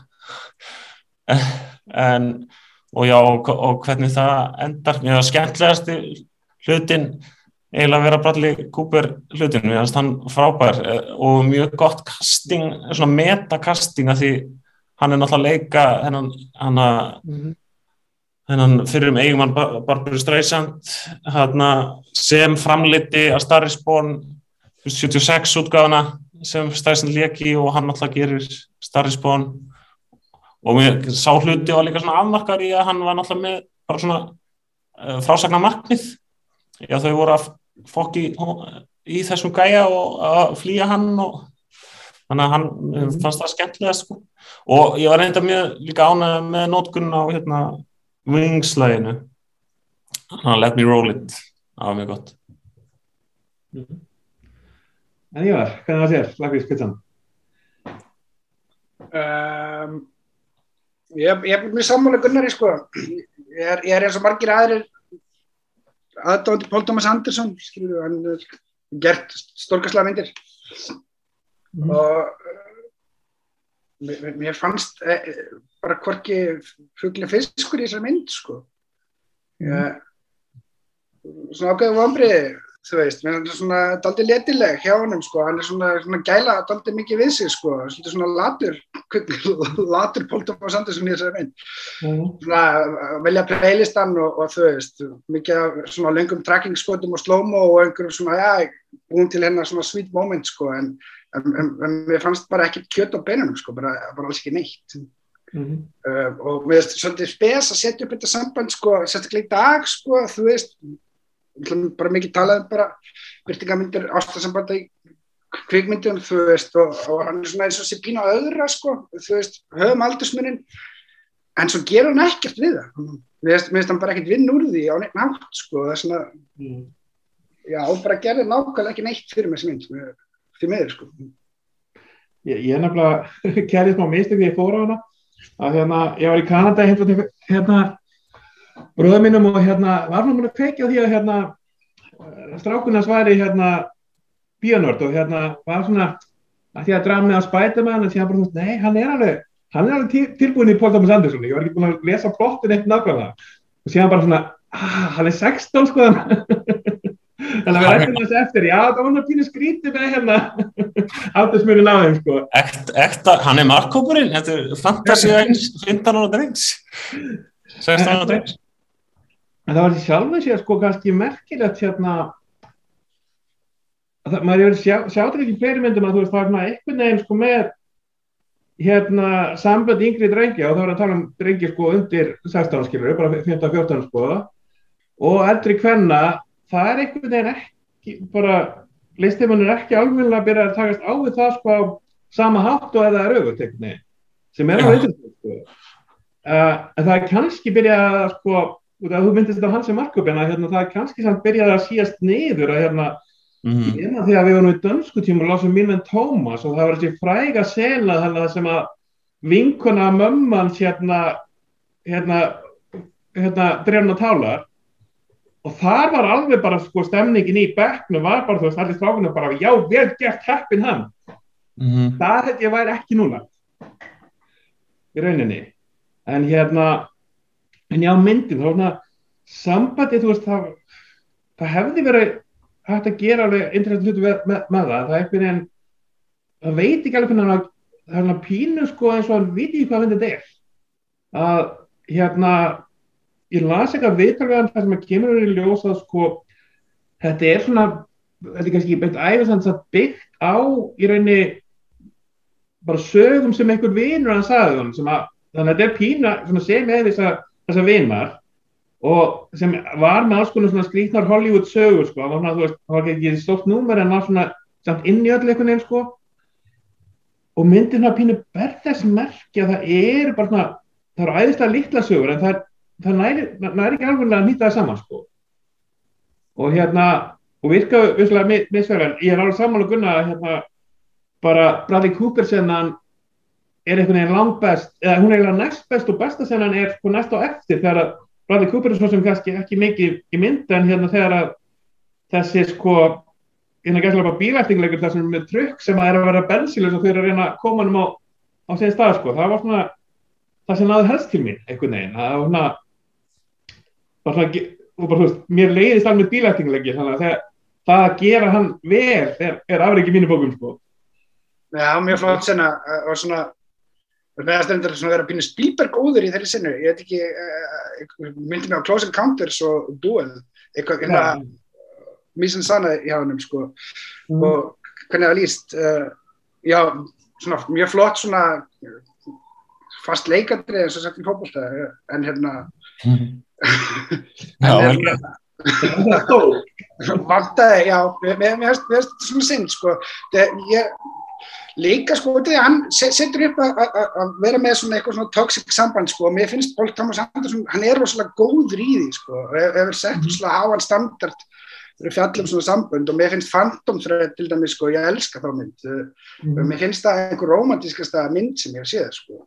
og, og þú veist það, það er ekkit endilega gott, eða gott eða slæmt en mér finnst það ótrúlega romantísk sko. og það er eitthvað svona aðdraftunafn sem hann hefur sko, kemst svo djúft í karakterinu sinna og svona hvernig karakterinu tengjast maður kannski var að vonast eftir einhverju, einhverju bara dýbra sko en, en, ég meina myndin er einhver bara svona stemming sko Þú veist, hún er bara einhver svona Paul Thomas Anderson í einhver svona stemmingu þú veist en stemmingin náði bara ekki til mín skilur, þá er þetta svona Mm. vissir þetta marg sko. Nei. Þá komum við bara síðast myndri uh, sem er alltaf ste stemningsmynd svona, það er hérna þung, þungt yfir henni skulum við segja eða Power the Dog hérna, sem er í glimtinu að hérna fletta upp sko hver var í rétta tegin út, af þetta biblíuvísum þannig að maður þurfti náttúrulega að fara í biblíuna að finna nákvæmlega orðalagi sko, hérna, hvort það sé máttur hundarins eða eitthvað annað. En hérna, já, að um þetta er svona vestri samt á 20. aldinni gerist í Montana. Og hérna og já, svona fjallar um annars vegar sko sískinni sem eru svona voða kannski hérna það er svona pína sem þau, þau lappi út úr sko út úr ykkur um alltaf um heimi og síðan eiginlega klassa þau við þessa hérna, harðhessa hérna kúrika. Og það er náttúrulega Benedict Cumberbatch sem er náttúrulega svona uh, svona mjög ógnandi einhvern veginn bara svona ógnandi nærverð einhvern veginn. Uh, einhvern veginn þú veist, jú hann er svona einstaklega sem beinleins og hóta fólki en það er svo meira bara hvernig hann ber sig, það er svona alveg hérna uh, þú, ert ekki að fara að messa í þessum göð sko en hérna Ívar, hvernig fannst þér hund, hundakrafturinn? Já, það hefur verið svo mikið, það hefur verið svo mikið rætt um þessa mynd. Ég ég- ég er líka að hlusta á þessar margar umræðir. Mm.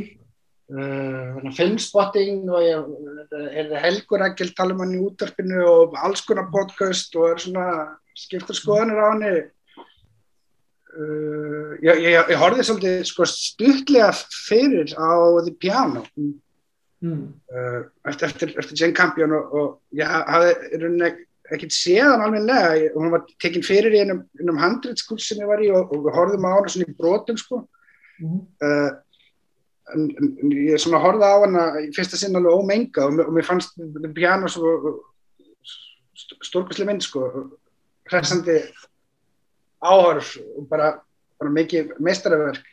Og svo Dog er sver sér svolítið ég, ætt við Piano sko, svona mörg stef fyrir kampum sem eru kunnulega svipið sko.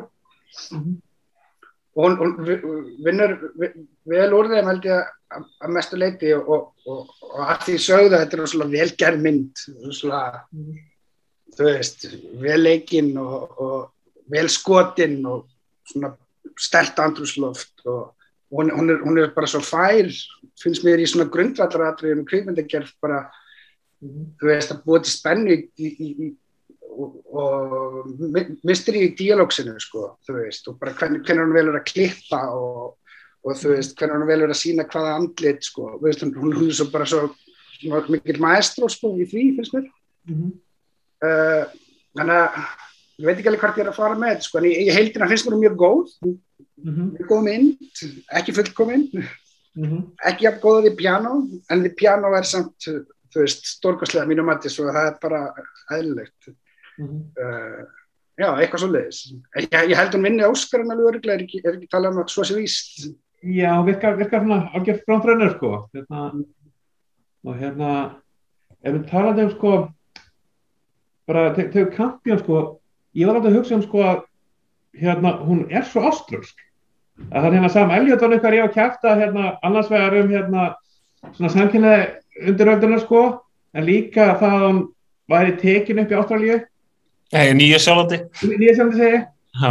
en, en hún er eiginlega í henni og ég, ég kannski skil hana eitthvað liti að, með, með það þann vinkil að þú er bara, þetta er ekki skotið í Montana að sko ég var hugsun kannski, ekkert, ekkert endilega piano heldur líka bara, þú veist gamlu Peter Weir myndinar, Picnic at Hanging Rock og kannski sérstaklega þannig vestra sem að Nick Cave gerir sem að er, er, er, er rauninni sem er eiginlega hérna, bara einminn uppáhalds hérna, uppáhalds vestri sem er svona söðri hérna, The Proposition. Og hérna svona, það var þessi þungi sem að kannski er pínu öðruvísi heldur en ameríski vestra þungin sko.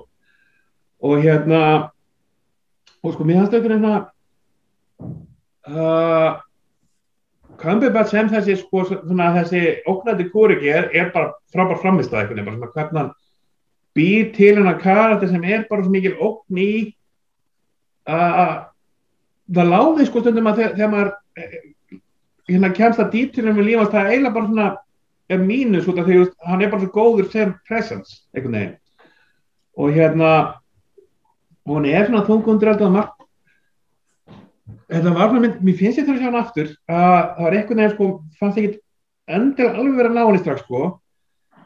En það sem kannski svona uh, það er að vissu liti kannski sömu veikleikur og er djún að því litinu til að sko uh, ekki jafn stór veikleiki Dune, alls ekki, en það er samt svona einhvern veginn sko svona góðu saklösu karakterinir minnst þeir vera miklu veikari heldur en sko hérna þunglamalegu kúriganir og þunglamalegu kúriganir, það var alveg svona maður var virkilega feikja á þeim og meðan svona saklösu karakterinn var bara, já, æ er bara svona römbuðið þarna inn úr, úr einhverju hérna diagnostin minn sko.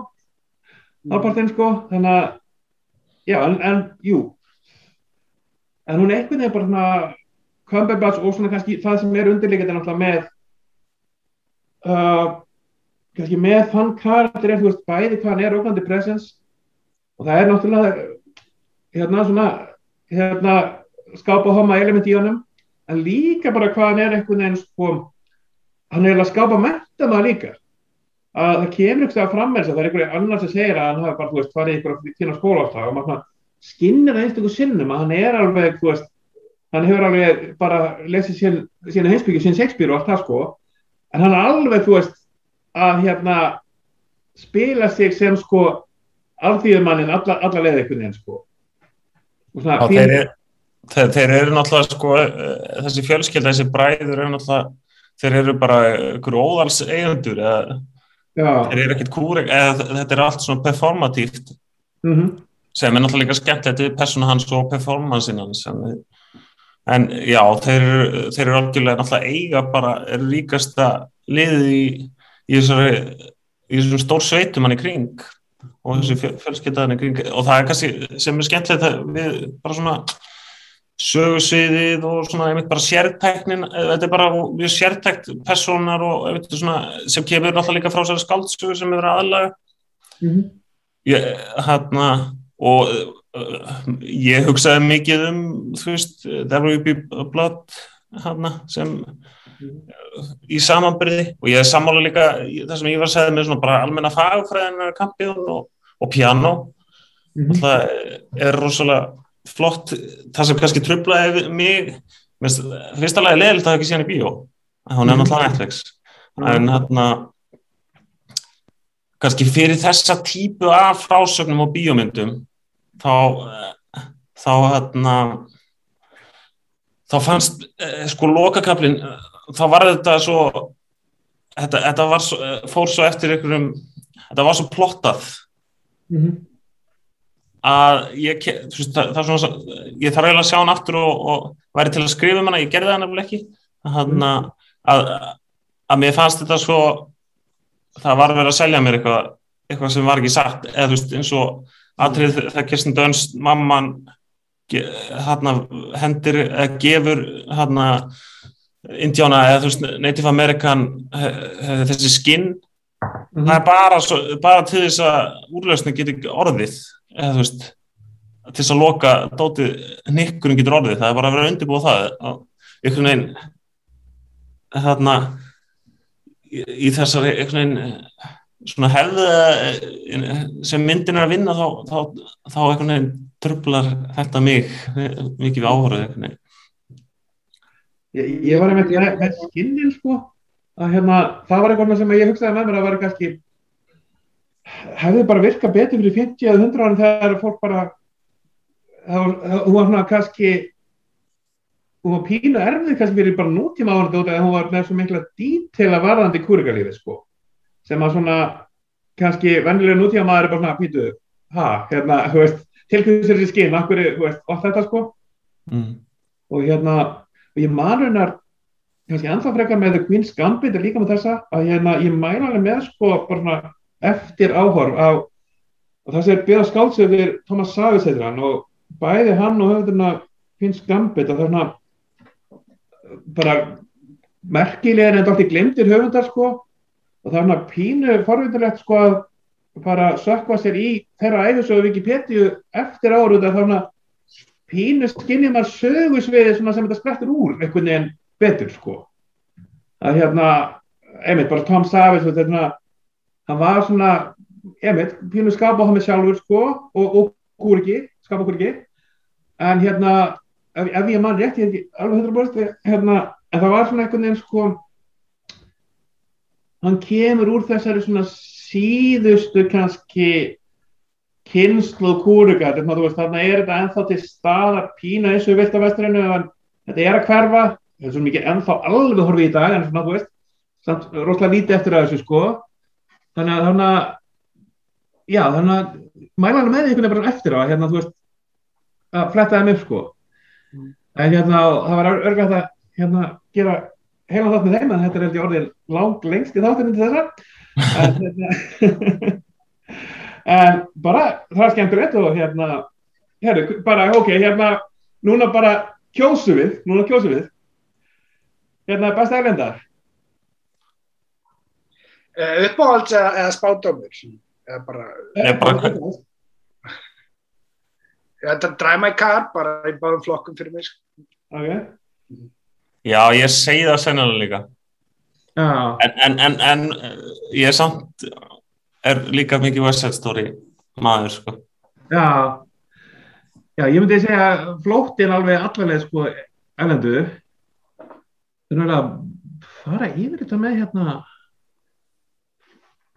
ég er bara frekar okkur með hérna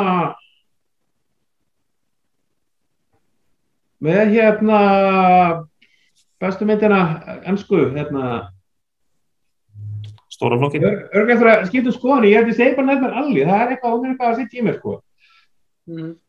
Ég er ánægð með það líka. Já, þannig að, herðu, hérna, bara því mér komst ekki heimildamöndinar og, og, og stuttu heimildamöndinar og, og stuttu teikumöndinar og við bara reynum að, hérna, taka 8 tíma þátt á næsta ári, hérna, en þe- þetta verður þetta duga í dag, þannig að bara þakka ykkur kjærlega fyrir komuna og, hérna, þakka ykkur, hérna, heimistofi fyrir að horfa á hlusta. Og bara endilega láta ykkur vita að þeir eru heftalega ósámála með einhverja myndir. En þanga til, bara góða stundir og bara treysti ég að þið hérna vaki lengi og komið til gott óslæðsparti Takk fyrir okkur